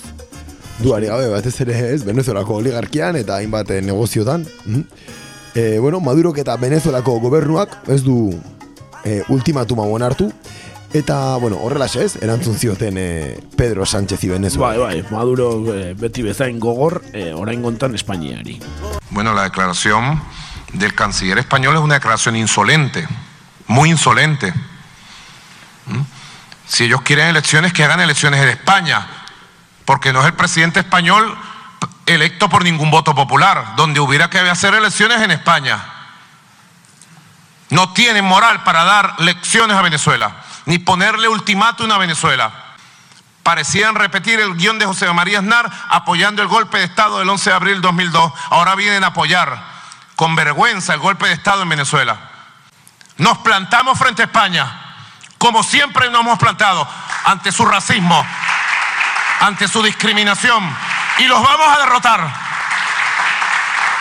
A esa clase política que desprecia a Venezuela, como derrotamos a José María Aznar parecieran seguir borrar el camino de Aznar, ponerse a la derecha de Aznar. No tiene la España que dar ningún consejo a la Venezuela bolivariana, de la patria de Bolívar. Y deben respetarnos. Así de sencillo. Que hagan lo que les dé la gana a ellos. Con sus amenazas. A nosotros nadie, pero nadie, nadie nos amenaza. Y si se quieren ir de Venezuela, que se vayan. Que se vayan de Venezuela. Con todo su embajador y con todo su personal. Que se vayan. No nos importa. Estamos decididos a ser libres y no nos calamos chantajes de nadie, ni del gobierno español, ni José María Aznar, ni de Josep Borrell, de nadie. Se quieren ir, que se vayan hoy mismo. Seremos más libres y más felices sin ellos y sin sus amenazas y su racismo y su complejo de superioridad porque quieren hablar porque ellos son superiores. Hortxe Maduro, benetan gogor Espainiako gobernuaren kontra, eh? Gogor eta zorrot gainera, ez? De hecho, ez dut uste Pedro Sánchez pertsona egokiena zenik Madururi hauteskunde deialdi bat egiteko, ez? Ez, ez, ez, baina, bueno, Josep Borrell eta Jose María Aznarri eta danai egurra ondo banatu die, eh? Bueno, egia esan, eh, arrazoi guztia dauka, ez dauka, zer, zer dauka esateko Espainiar gobernua Venezuelan zer egin behar den, ez? Desde luego, hor injerentzia, ez? Eh, manualeko injerentzia. Esan Europari ere tono berdinan erantzun diola, ez ere Alemaniak eta Frantziak eta beste estatu batzuk ere berdina eskatu bai diote Madurori. Beraz, entzun dezagun e, Europari ere ba, esan diona. Europa ha tenido una posición insolente, insostenible, impresentable. Y debe retirar su ultimátum. A nosotros no nos pone ultimátum nadie. Si ellos se quieren ir de Venezuela, que se vayan todos y se vayan ya. Venezuela seguirá su camino. Afortunadamente no dependemos de Europa. Unidad, lucha, batalla y victoria. Con la emoción del poder popular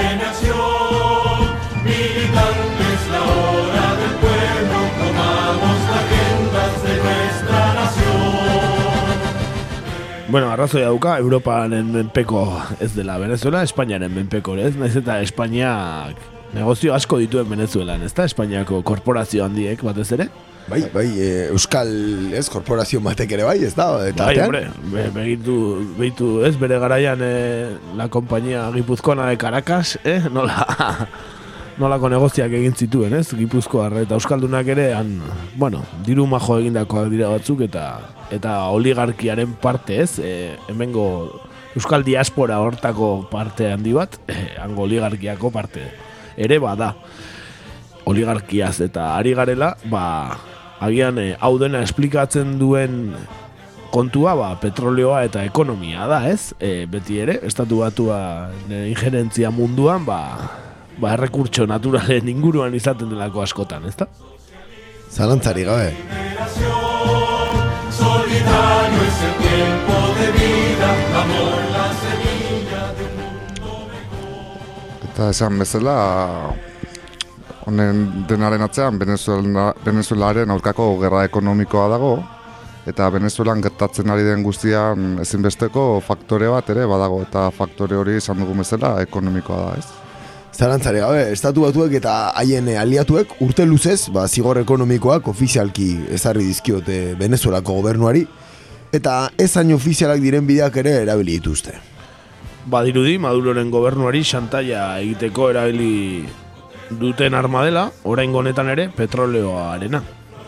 Bai, eh, pasaden urtarriaren amagostean, eh, Miamin aurkitzen den venezolar exiliatu erakunde batek, Juan Guaidok zuzentzen duen Venezuelako parlamentuari eskaera argi bat egin zion. Eta eskaera hori, estatu batuetan egongo den petro, Petroleos de Venezuela, estatu entrepresaren Citgo filialearen zuzendaritza batzorde berri bat izendatzeko eskatu zion. Enpresa hau Venezuelak duen diru iturri nagusia da.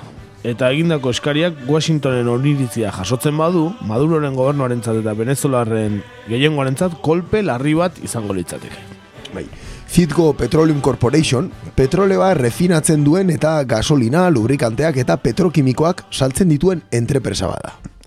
Eta esan bezala, Zitgo Petroleos de Venezuela enterpresa nazionalaren filial bat da eta bere goitza Houstonen aurkitzen da, Texasen. Momentu honetan, Zitgok hiru refineria ditu estatu batuetan, berrogeita zortzi biltegi, eta 6.000 gasolindegi hornitzen ditu. Bai, ideia bat egiteko egunean zazpireun da berrogeita mar mila petroleo upel prozesatzeko almena dauka, Zitgok, eta honek estatu batuetan aurkitzen diren petroleo entrepresen artean seigarren lekuan jartzen du.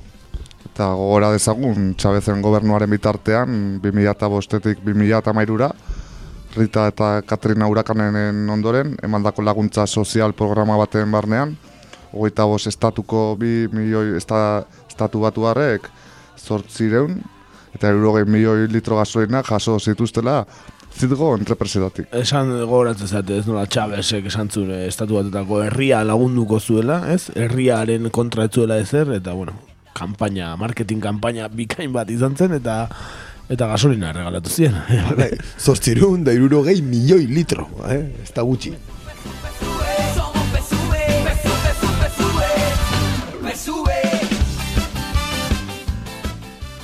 Bi eta emezortziko abuztuan, estatu batuetako epaile federal batek, Venezuelan galdutako mina esplotazioen konpentsazio moduan, desagertutako Crystalex International enpresa kanadiarrari, e, zitgoren akzio sorta handi bat transferitzeko agindua eman zion estatu batutako epaile batek, hola.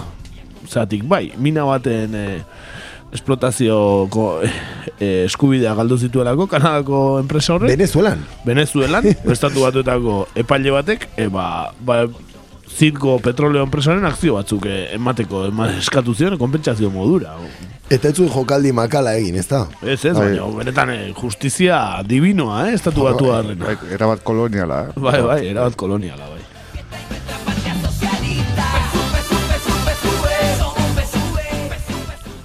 Eta zitgo ez galtzear, Venezuelar gobernuak enpresa kanadiarrak erreklamatzen zituen mila berreun milioi dolar ordaindu behar izan zizkion. no? Bai, etxe zuriak ondo daki zitgo Venezuelar gobernuaren diru iturri fresko nagusia dela eta horregatik badago bere begi puntuan. Venezuelan burututako nazionalizazioen ondorioz, haien negozioa galdu zuten hainbat, enpresek epaitegitara jo alko lukete zitgoren kontrola hartu nahian.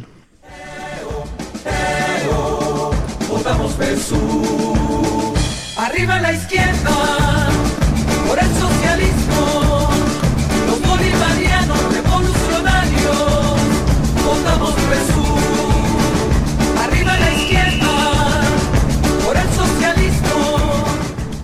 Eta, eta presio guztia beko beto ulertzeko oso adierazgarria da ere Miamiko Venezuelar exiliatuen erakundearen sortzaileak duen perfila.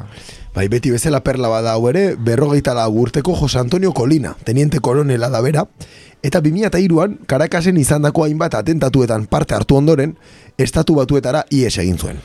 Horrez geroztik, bere egoera berdinen aurkitzen direnak laguntzeko elkartea sortu du, naiz eta badiruden gai ekonomikoak ez dituela albora uzten. Eta hainbat bertako zen atzerriko telebistakateetan analista moduan aurkezten da Kolina Tenente koronela. Oposizio goburua exilioan, ez da? Bai, badago zer ikasi Miamin, ez da? Bai, bai, bastante badakite hortaz, bai. El pueblo escribe sus leyes. El pueblo legislador.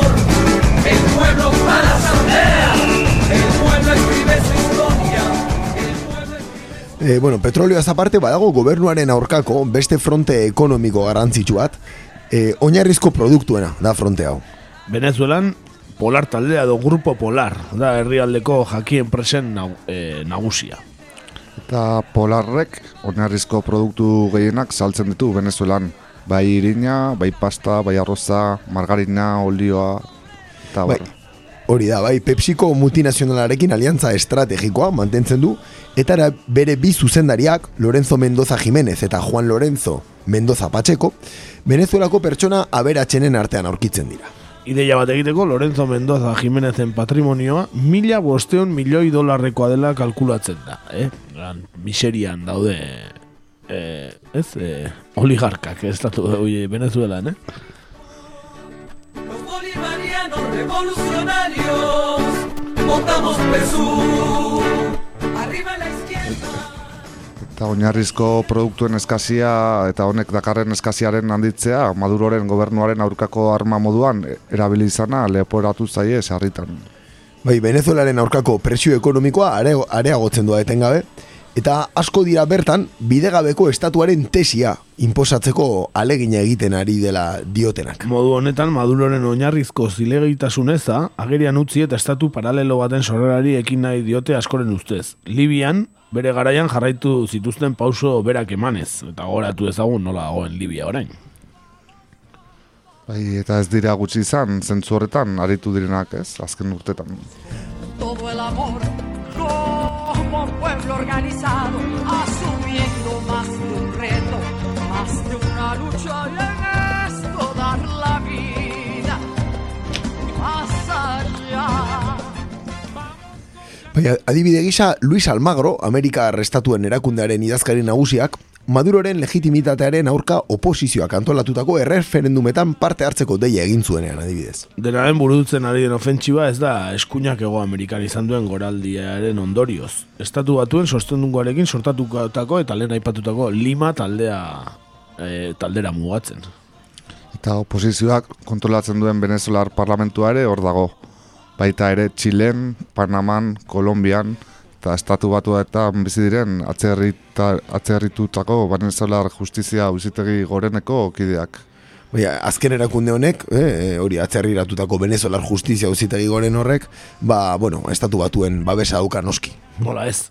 Badirudi estatu batuen estrategia Limako taldea nazioarteko komunitatearen adirazgarri bezala kokatzea dela, Beneta, bertako gobernua porrota negoziatu edo estatu batuek Europear batasunak eta Limako taldeak berak martxa jarri dezaketen azken ofentsibari aurre egin diezaion. Hementxe daukagu ez azken ofentsiba hau.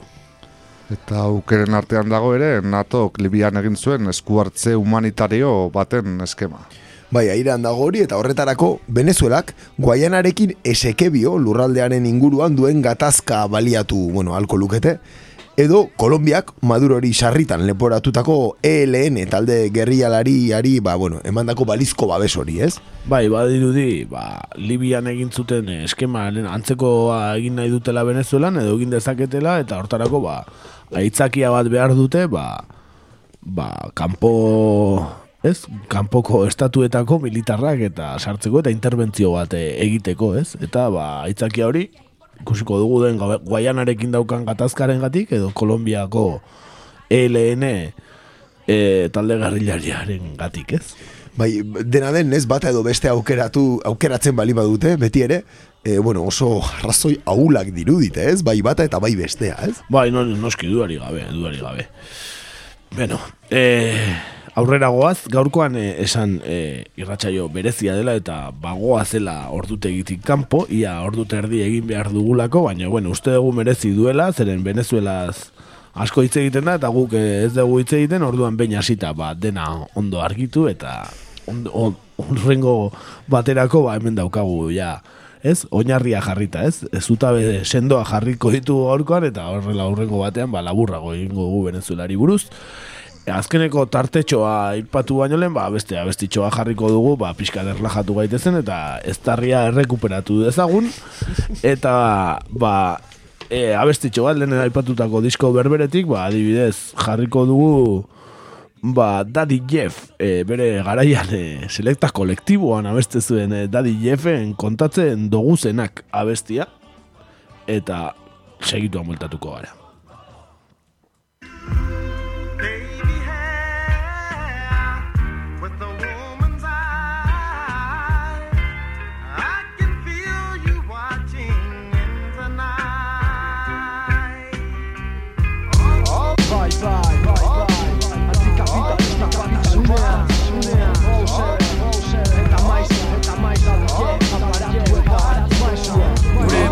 Ideak gora ipatuz, biopatu Etorkizun eske bat lortzen saiatuz Gure borrokak ideak gora ipatuz, biopatu batean Gubion arteko baturak Bi herri zapalduen arteko ikartasuna Bierazten dauen moduan letrak gure kontura Biotzez eta horez idazten dugu gura doguna. Eta ez sistemak eskatzen dozkuna Hori ez tortura, berton zugaz Maizata zeber ez dira espalditik ezagunak Daueneko borroka lagunak Kapitalaren molestia, gure modestia Maiz MC eta seber bestia Kapizkanaka gu gara milaka Gure ganatuz beharrezkoa bestia. Berdin zait baraka Caracas Emakumei ahotsa eman. Berdin zait apaizado iman Liberalizatu iraka sistema Gure borrokak ideak oraipatuz Biopatu, askea izan berden geroa garatuz. Gure borrokak ideak oraipatuz Biopatu,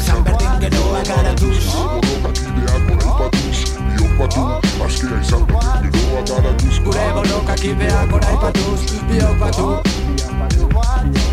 Venezuelan rap, moen altua Badauka zer ikusua, badauka zentzua bestua Ezin gara izan garaituak Herritarrei bueltatu lurak Kapitalista putak desjabetzatuak. Antolakuntza mota bat herri bakotzaren kasuan. Pierri aldez berdin du daitezke Bai ez horren beste, Espainia gure txakor beste La puta peste. La peste, la peste, la peste, la peste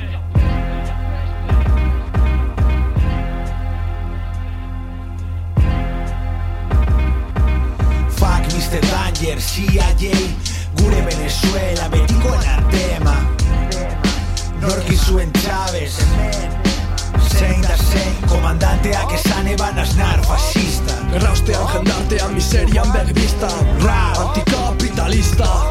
Kontatzen dugu zenak. Iten gaitu errealistak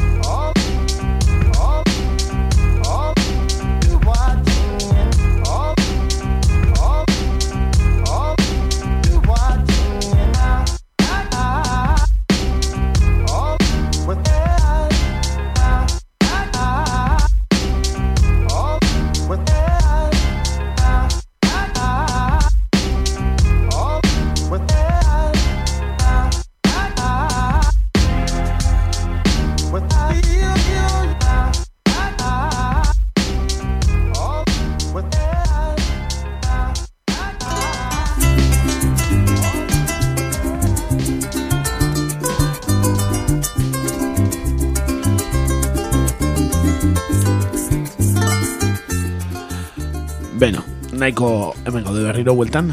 E, nahiko argi geratu da gure ustez e, ze gertatu den Venezuelan ez, estatu kolpe bezala definitu dugulako hasieratik. Esan e, gaur egurrek eta kakaintzona irratiak ez duela Guaido e, presidente modura onartzen eta exigitzen dugula bere burua entregatu dezala. Hori da, eta kagaintzonako elbidera bidaltzen bani maute, are eta hobeto. Hori da, hori da. Beno, e, Venezuelarekiko gehienak e, bukatu ditugu, baina, e, claro, guzti honek gogorarazi digu, ba, Amerikako estatu batuek, ba, zenbat horrelako egin dituzten Ego Amerikan, ezta? Bai, ez da, ez da lena izan, desde luego. Ez, Bai, ez. hainbat, hainbat esku hartze izan dituzte historian zehar, eta azken egunotan beneta berriro ari da zaleratzen Venezuelaren egoeraren arira, Amerikar kontinentean izandako estatu kolpeetan, estatu batuek historikoki izan duten papera. Bai, esan bezala dagoeneko, bueno, ia inork ez du ukatzen eh, estatu batuek Venezuelako gaur egungo egoeran, ba, influentzia haundia izan dutela. Egungo egoeran kokatzeko, estatu batuek Amerikar kontinentean mila batzen da berrogeita margarren urtetik izan duten trajektoria golpistaren errepaso azkar bat egitea proposatzen dizuegu momentu honetan. Eta azteko, mila beratzen da berrogeita malauan, e, Eisenhower presidentearen aginduz, ziak Guatemalan Jacobo Arbenz presidentearen aurkako estatu kolpe bat orkestatu zuen. Bai, Arbenzek beste gobernu ekintza askoren artean, laborantza erreforma handi bat jarri zuen martxan, konpainia estatu batuarrak zuten monopolio hautsiz.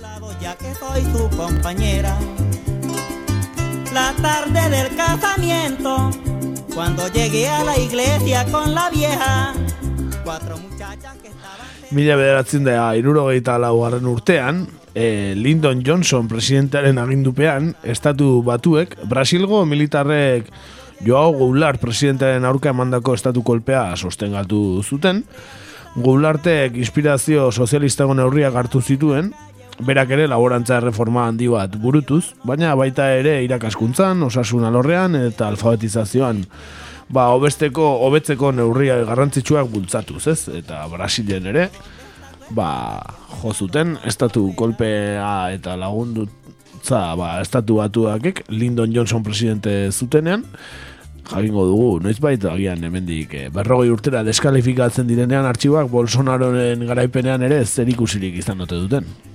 Ziur ongo dela zerbait, eh? Bai, seguru baietz. Dudik ez dakat.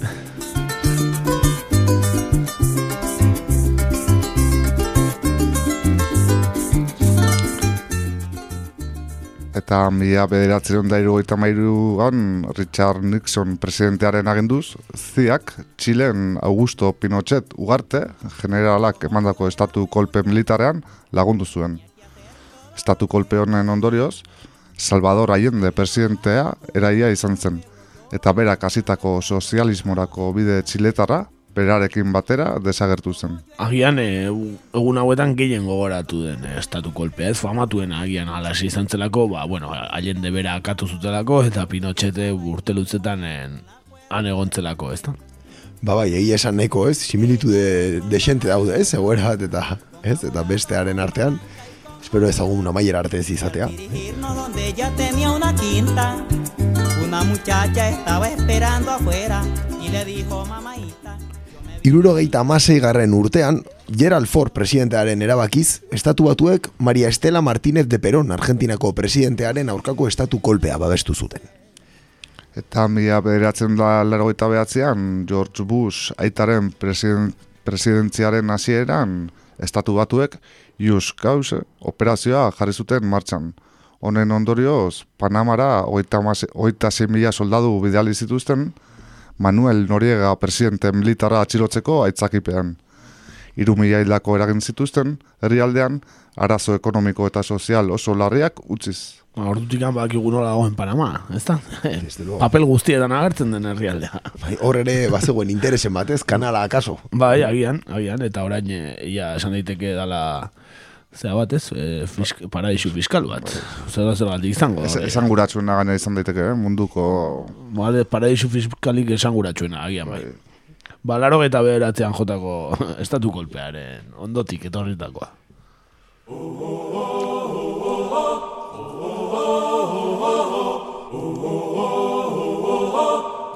Pongo por delante de nosotros al comandante de todos los comandantes, al Cristo Redentor, crucificado.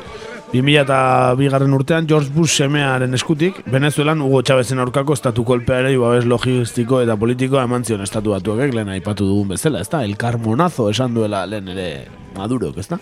Ba, bai, eta, bueno, George Bush semeak dobletea, ez, egin zuen, 2000 eta lauan, eta, e, bueno, haitin, Frantzia eta Erresuma batuaren laguntzarekin, Jean Bertrand Aristide presidentea kargutik kendu zuten. Bai, bai, George Bush eh, danetan izan zen eh, oso eh, eh, langilea, eh? danetan, danetan egin zuen lan, eh? frente guztietan. Bai, desde luego.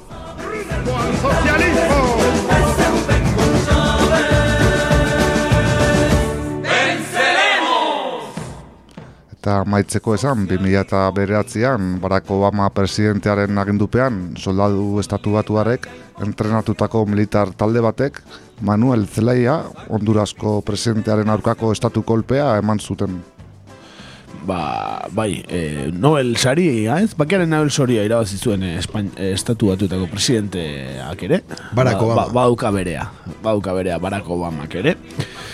San bezala aipatutako e, aipatutakoak Amerikar kontinentean, ba, estatu batuek galbidetako estatu kolpea dira, eta dakizuen bezala ba, mundu osora zabaldu ezkero, ba, ba, amarnaka eta amarnaka kasu atera daitezke, eta hainbat gerra, eta eta hainbat konspirazio, ez? Bai, tamalez, e, denaren inguruko estadistikak egiten dira, baina estatu batuaren estatu kolpeen inguruko estadistikarik ez da existitzen. Bai, haber zenbat hilako eragin dituzten, zenbat zauritu, zenbat refusiatu, ez? Eta abar eta abar, hori ez dakigu.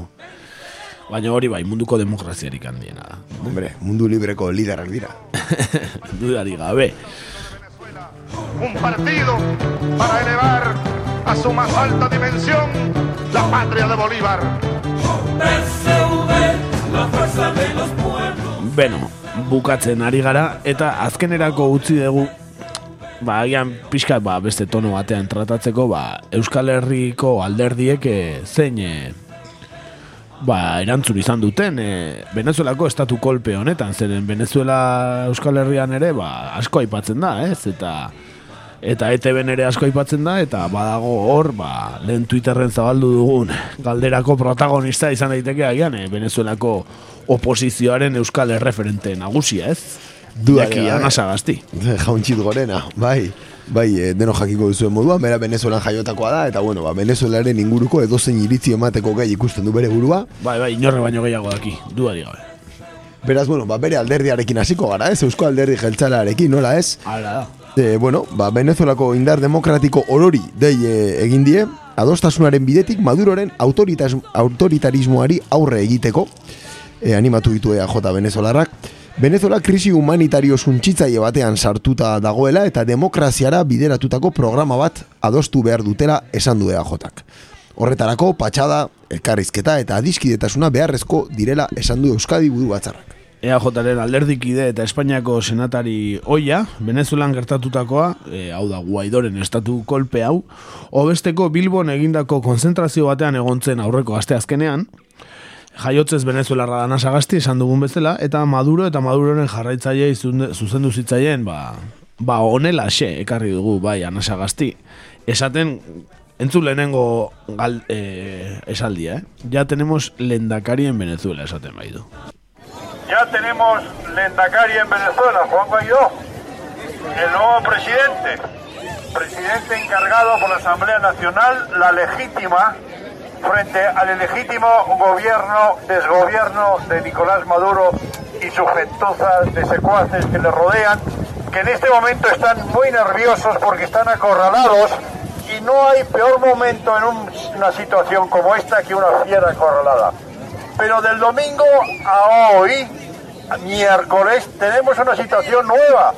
Tenemos un reconocimiento internacional de Juan Guaidó. Ya no es como antes. Ya hay un reconocimiento internacional. Seguramente el régimen va a ir contra él, pero no va a poder porque es una persona reconocida internacionalmente.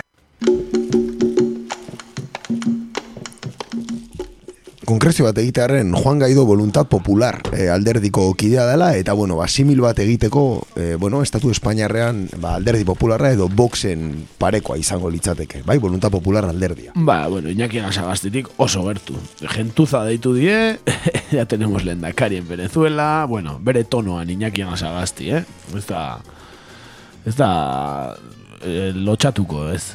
Berak, ez, eh, hain, hain sarritan esan duen los de las pancartas, ba, bueno, badirudi aste honetan berari tokatu zaiola, ez? Megafono Bai, eskuan bai. eta venga. Gogoratu adibidez, eh, azkeneko alderdi egunean eh, txosna jarri zutela eh, Venezuelako oposizioko kide batzuk, ez? Talde bat hemen Euskal Herrian sortutako oposizioko Venezuelako talde bate, ba, banatu zituztela ba, Venezuelako jaki tipikoak eta abar, ez? Eh, ba, ba, Euskal diasporara bialtzeko, han, han laguntzeko medikamentuekin eta abar, ezta? Ba, horixe, alde, bakigu, e, hemen agintzen duen alderdia, bueno, o, e, Venezuelako oposizioarekin oso batekin da dagoela, ez? Bai, hau izango da e, EAJak esaten duen aldebiko tasuna. Da, ez? Bai, bai, badirudi, ez? Sukalde lanak, ez? Kasu honetan ere, ez da, badirudi egon direla. Mikroklima. Mikroklima ikaribeñoa, kasu honetan. Bueno, e, badauzkagu, badauzkagu erreakzio gehiago ere. Bai, eta reakzio horien artean, azteko EH Bilduk, e, zera esan du ez, bai, izaera politikoa duten gatazka konpontzeko bide bakarra, elkarrizketa eta ezber, ezberdinen arteko akordioa dela uste du. Bai, barne liskarrak areagotzeko kanpoko eragiak egiten ari diren alegina zein estatu kolpe saiakerak Venezuelak bizi duen egoera oraindik eta gehiago zailtzen dutela esan du EH Bilduk. Uka ezina da, Venezuelak egoera zaila bizu duela, baina Venezuelako herriari dagokio egoera bideratzea, elkarrizketaren bidez eta kanpoko esku hartzerik gabe. Barne gatazkak sustatzeak oraindik eta gehiago zailtzen du egoera. Eta Venezuelako herriak bere buruari eman dizkion instituzioak eta prozesu demokratikoak zen egoera zail hau bideratzeko adostu dai ditzaketenak errespetatu beharra dagoela uste du EH Bilduk. E, ekarri dugu, EH Bilduko gorka ele jabarrietaren e, adidezpena ekarri ditugu. E, ekarri dugu EH Bildu eta gero ekarri dugu sortu. Zeratik, e, desberdintasun bastante dago EH Bilduk esaten duenatik, sortuk esaten duenera. Badirudi, kostatu zaiela e, erantzun e, bateratu bat ematea koalizio abertzalean, eta, bueno, lehenengo gorka ele jabarrieta entzungo dugu. Gure ustez, Venezuelan eh, azken orduetan gertatzen eh, ari dena oso kezkagarria eta, eta, eta larria da. Estatu kolpe saiakera honek ez du ezertan hobetuko eh, Venezuelako eh, egoera. Eta galdetzen dugu, eh, irekian, eh, norbaitek uste aldulako portaren bidez ezer hobetu edo konponduko, konponduko denik. Guk beste kontestu batzuetan bezala uste dugu konponbidea elkarrizketa eta akordioaren bidez bakarrik eh, etorriko, etorriko direla. Eta zentsu horretan uste dugu nazioarteko komunitateak baduela eh, zer zer eh, egin eta zer bultzatu. Beti ere errespetuaren eh, eh, ikuspegitik eta kanpo injerentzia eh, baztertuta. Errepikatzen dut, gure ustez, konponbidea bakarrik etorriko da elkarrizketa eta negoziazioaren bidez. Oroitu nahi genuke EH Bildutek ere bai e, Euskal Diaspora, Venezuelan e, dakizuen ez e, ugaria, ugaria dena, eta espero dugu guztiak e, ondo, ondo egotea. Eta bukatzeko, e, azpimarratu nahiko nuke berri, berriz ere prozesu honek e, Venezuelako e, instituzio eta prozedura demokratikoak errespetatu behar dituela, baita ere Venezuelako buru jabetza. Benetan, mezuaren esanguratsuena iruditzen zait eh, Euskal Diaspora eta akordatzearena, neri, pertsonalki. Bai, besta, eh, konstatazioak, ez? Konstatazio hutsak eta, bueno, eh, epel hotz ez esatearren, ez? Bai, bai, erabat hotz, sortu berriz tonoa pixka gehiago altxatu du. Bai, imperialismoak Venezuelan sustatu duen tentsio eskalada salatu sortuk, esan bezala. Eta Latinoamerikan Monroe doktrina aplikatzea eta imperialismoaren sustatutako estatu kolpeak egitea diktadura erregimen e, txontxongilloa jartzeko, baino ez du balio, esan du. Eta azke ezaguna da, sorturen babesa prozesu Bolivar tarrerekiko eta Venezuelako, Venezuela herriaren ganako. Estatu kolpe saiakera dela eta sortuk Venezuelako herria eta haren gobernua babesten dituela berresten du. Kanpo eragileek ez dukete inoiz tentsioa areagotzen eta konfrontazioa sustatu behar. Sortu Euskal Gizarteari dei egiten dio estatu kolpea salatzeko antolatu diren mobilizazioetan parte har dezan. Eta bere komunikatua amaitzen zuen Venezuela aurrera esanez. Hori da. Ba, EH Bildurenetik, ba, bueno, tono pixka bat beroagoa, ez? Esan dezakegu sorturena. Ez dakigu ze ez da izango zituzten koalizioan e, zer esateko, pentsatzen dut, adibidez, alternatibak erantzun gogorrago bat nahiko zuela, sortuk eh, ere bai, eta Euskal Kartasunak agian epelagoa eta agian Euskal Diaspora zakordatzearena Euskal al Alkartasunaren ideia izango zen, seguruenik. Bai, ez dirudi, ez? E, ideia, bueno, gero komentatuko dugu moduan. E, bueno, ba, beste reakzio batzuk ere egon dira, ez? Ela sindikatuarena, ez? Esan ere.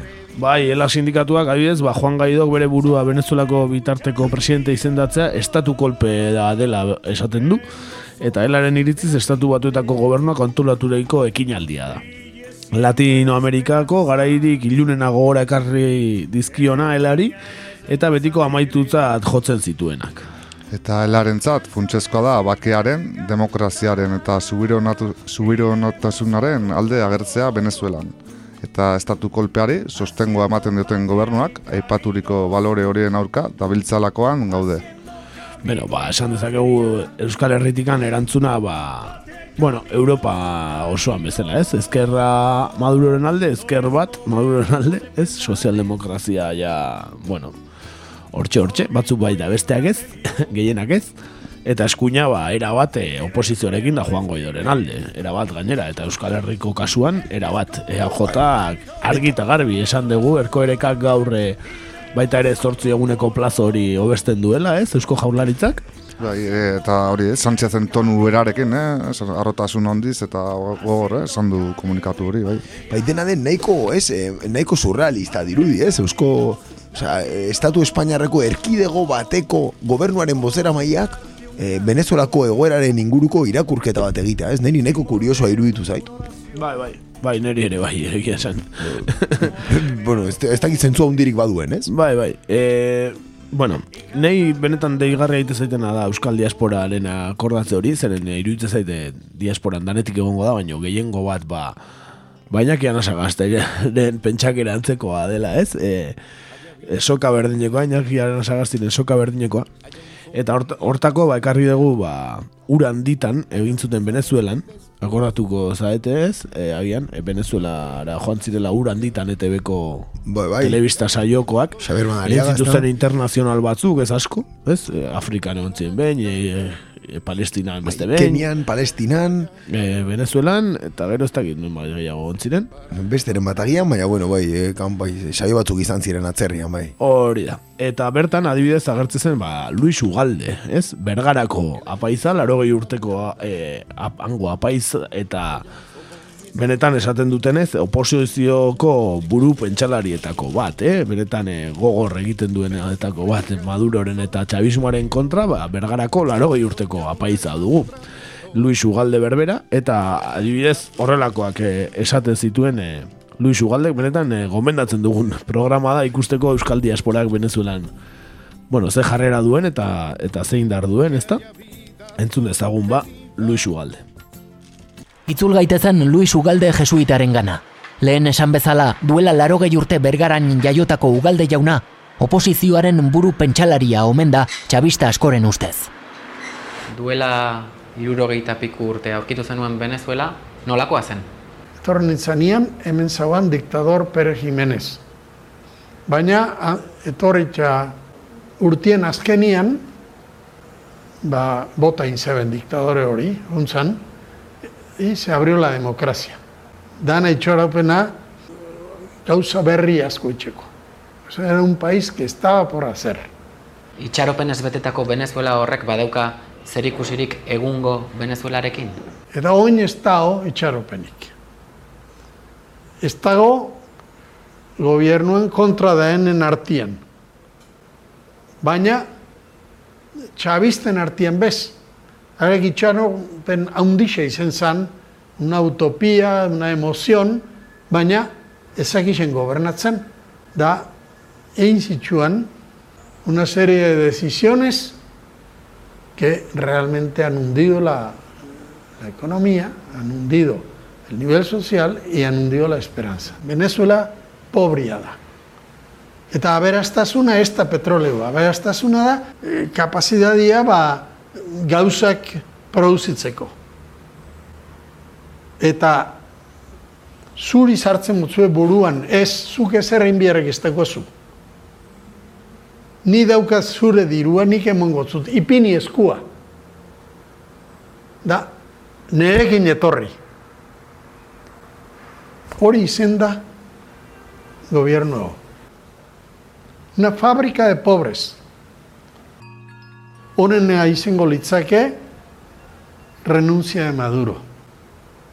Demokrazian pasatzen dena da, bueno, nik he perdido apoyo, gente que está bueno, vamos a elecciones.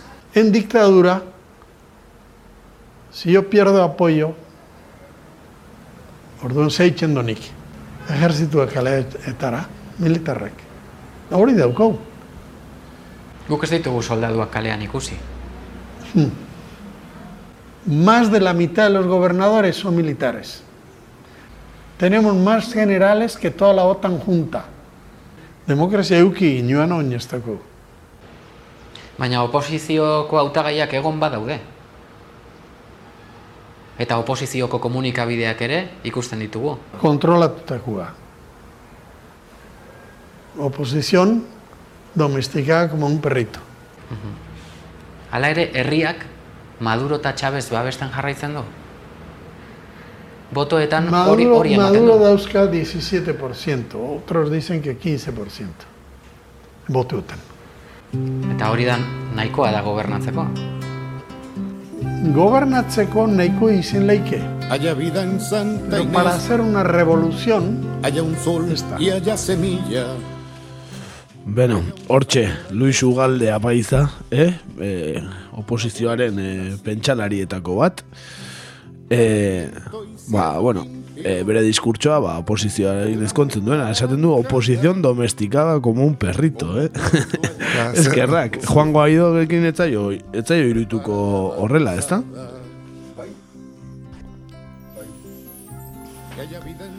Eta esan du euneko amagosteko sostenguala, nik uste dute datu okerrak ere bile ditu dira. Eta, Bai, bueno, ez dakit ze informazio izango duen berak, baina eh, baina bai, eh, izan daiteke. Ez dakit, berak eh, gu baino informazio gehiago izango du. Ziur. Bai, hala ere, bueno, Euskal Diasporako nahiko adibide makala ematen du, ez? O, esan edet, diasporaren, ez? Ba, apoio hoietan, ez? Ba, ez du oso eredu hona ematen, ez? Euskal Diasporatak. Ez, egia esan ez. E, esan behar da, e, programa berdinan agertu zela ere bai, e, beste euskaldun bat Agustino Txotorena, hau hemen di joandakoa, enpresaria, hau e, Bolivar iraultzaren aldekoa, eta honen ustetan, ba, Venezuelako diaspora gehiena, euskal diaspora gehiena, bera ustetan, ba, ultra batzu dira, zuzen, zuzenean alaxe deitzen die, ultra batzu diala.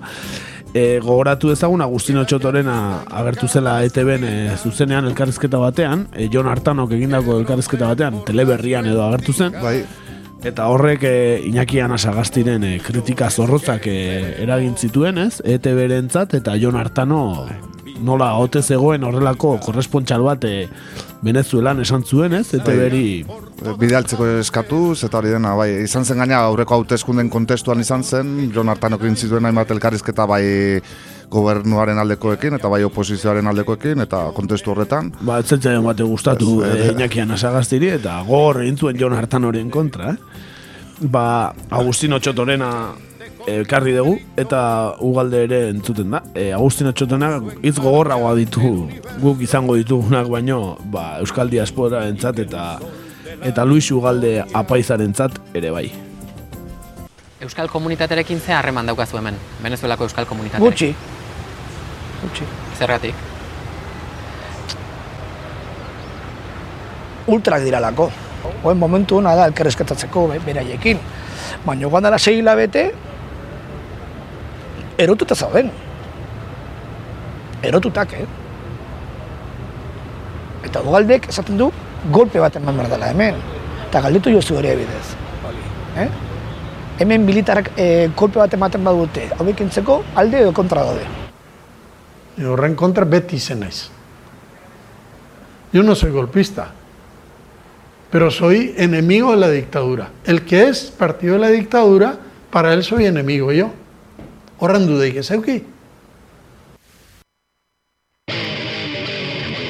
Hortxe Luis Ugalde berriro, eh? Bueno, benetan, apaiz eh, bikaina dugu Luis Ugalde, eh? Pertsonaia bikaina. Eh, benetan ikusteko ur handitan hori, eh? Naiz eta, bueno, e, Europako eta Euskal Herriko eta ETB-ko ikuspegiarekin egin dagoen, ba, bueno, jende asko agertzen da, bai aldekoak eta bai kontrakoak, eta argi ikusten da, hemendi joandakoak, e, oain urte gutxi joandakoak, lanera edo dena delakoa, ba, ba Bolivar iraultzaren alde daudela, eta aspaldiko diaspora berriz, e, ba, Bolivar iraultzaren aurka, ez? E, Bai, bueno, agian, e, ba, bere garaiko burgesia edo oligarkiaren parte direlako, ezta? Bai, hor nahiko ez, nahiko argi ikusten da zeinek ardu zituen privilegio jakin batzuk, ez? Laro gaita mezortzitik aurrera eta zeinek ez, ez? Zeinek eskuratu, ez? Privilegio jakin batzuk. Bai, bueno, Euskaldunak ere horrebili gara kolonialismo garaitikan Ameriketan e, ba, era guztietako lanak egiten eta ustiatzen eta ba, oligarkiaren parte izan da Euskal diaspora hori eta bueno, orain ba, ikusten da Venezuelan ere, ezta?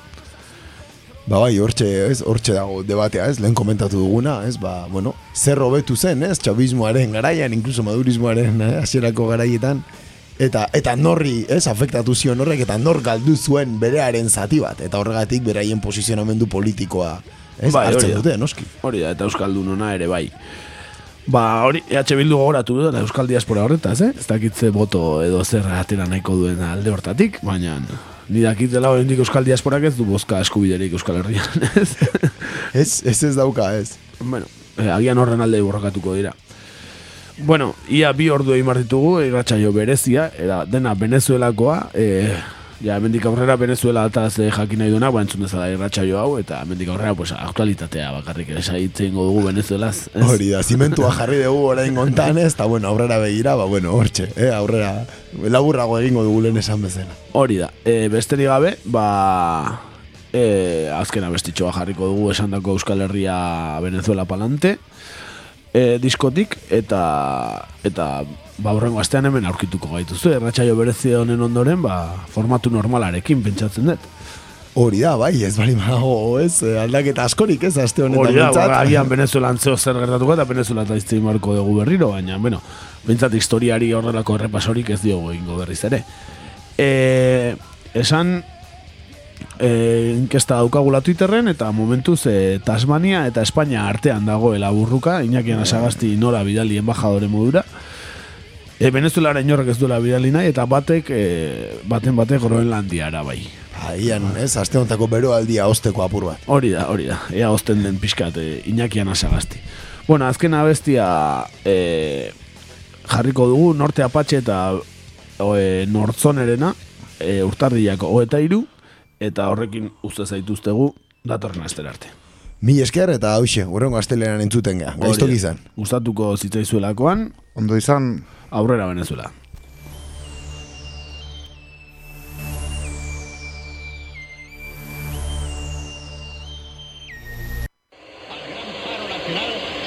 El 11 la injusticia.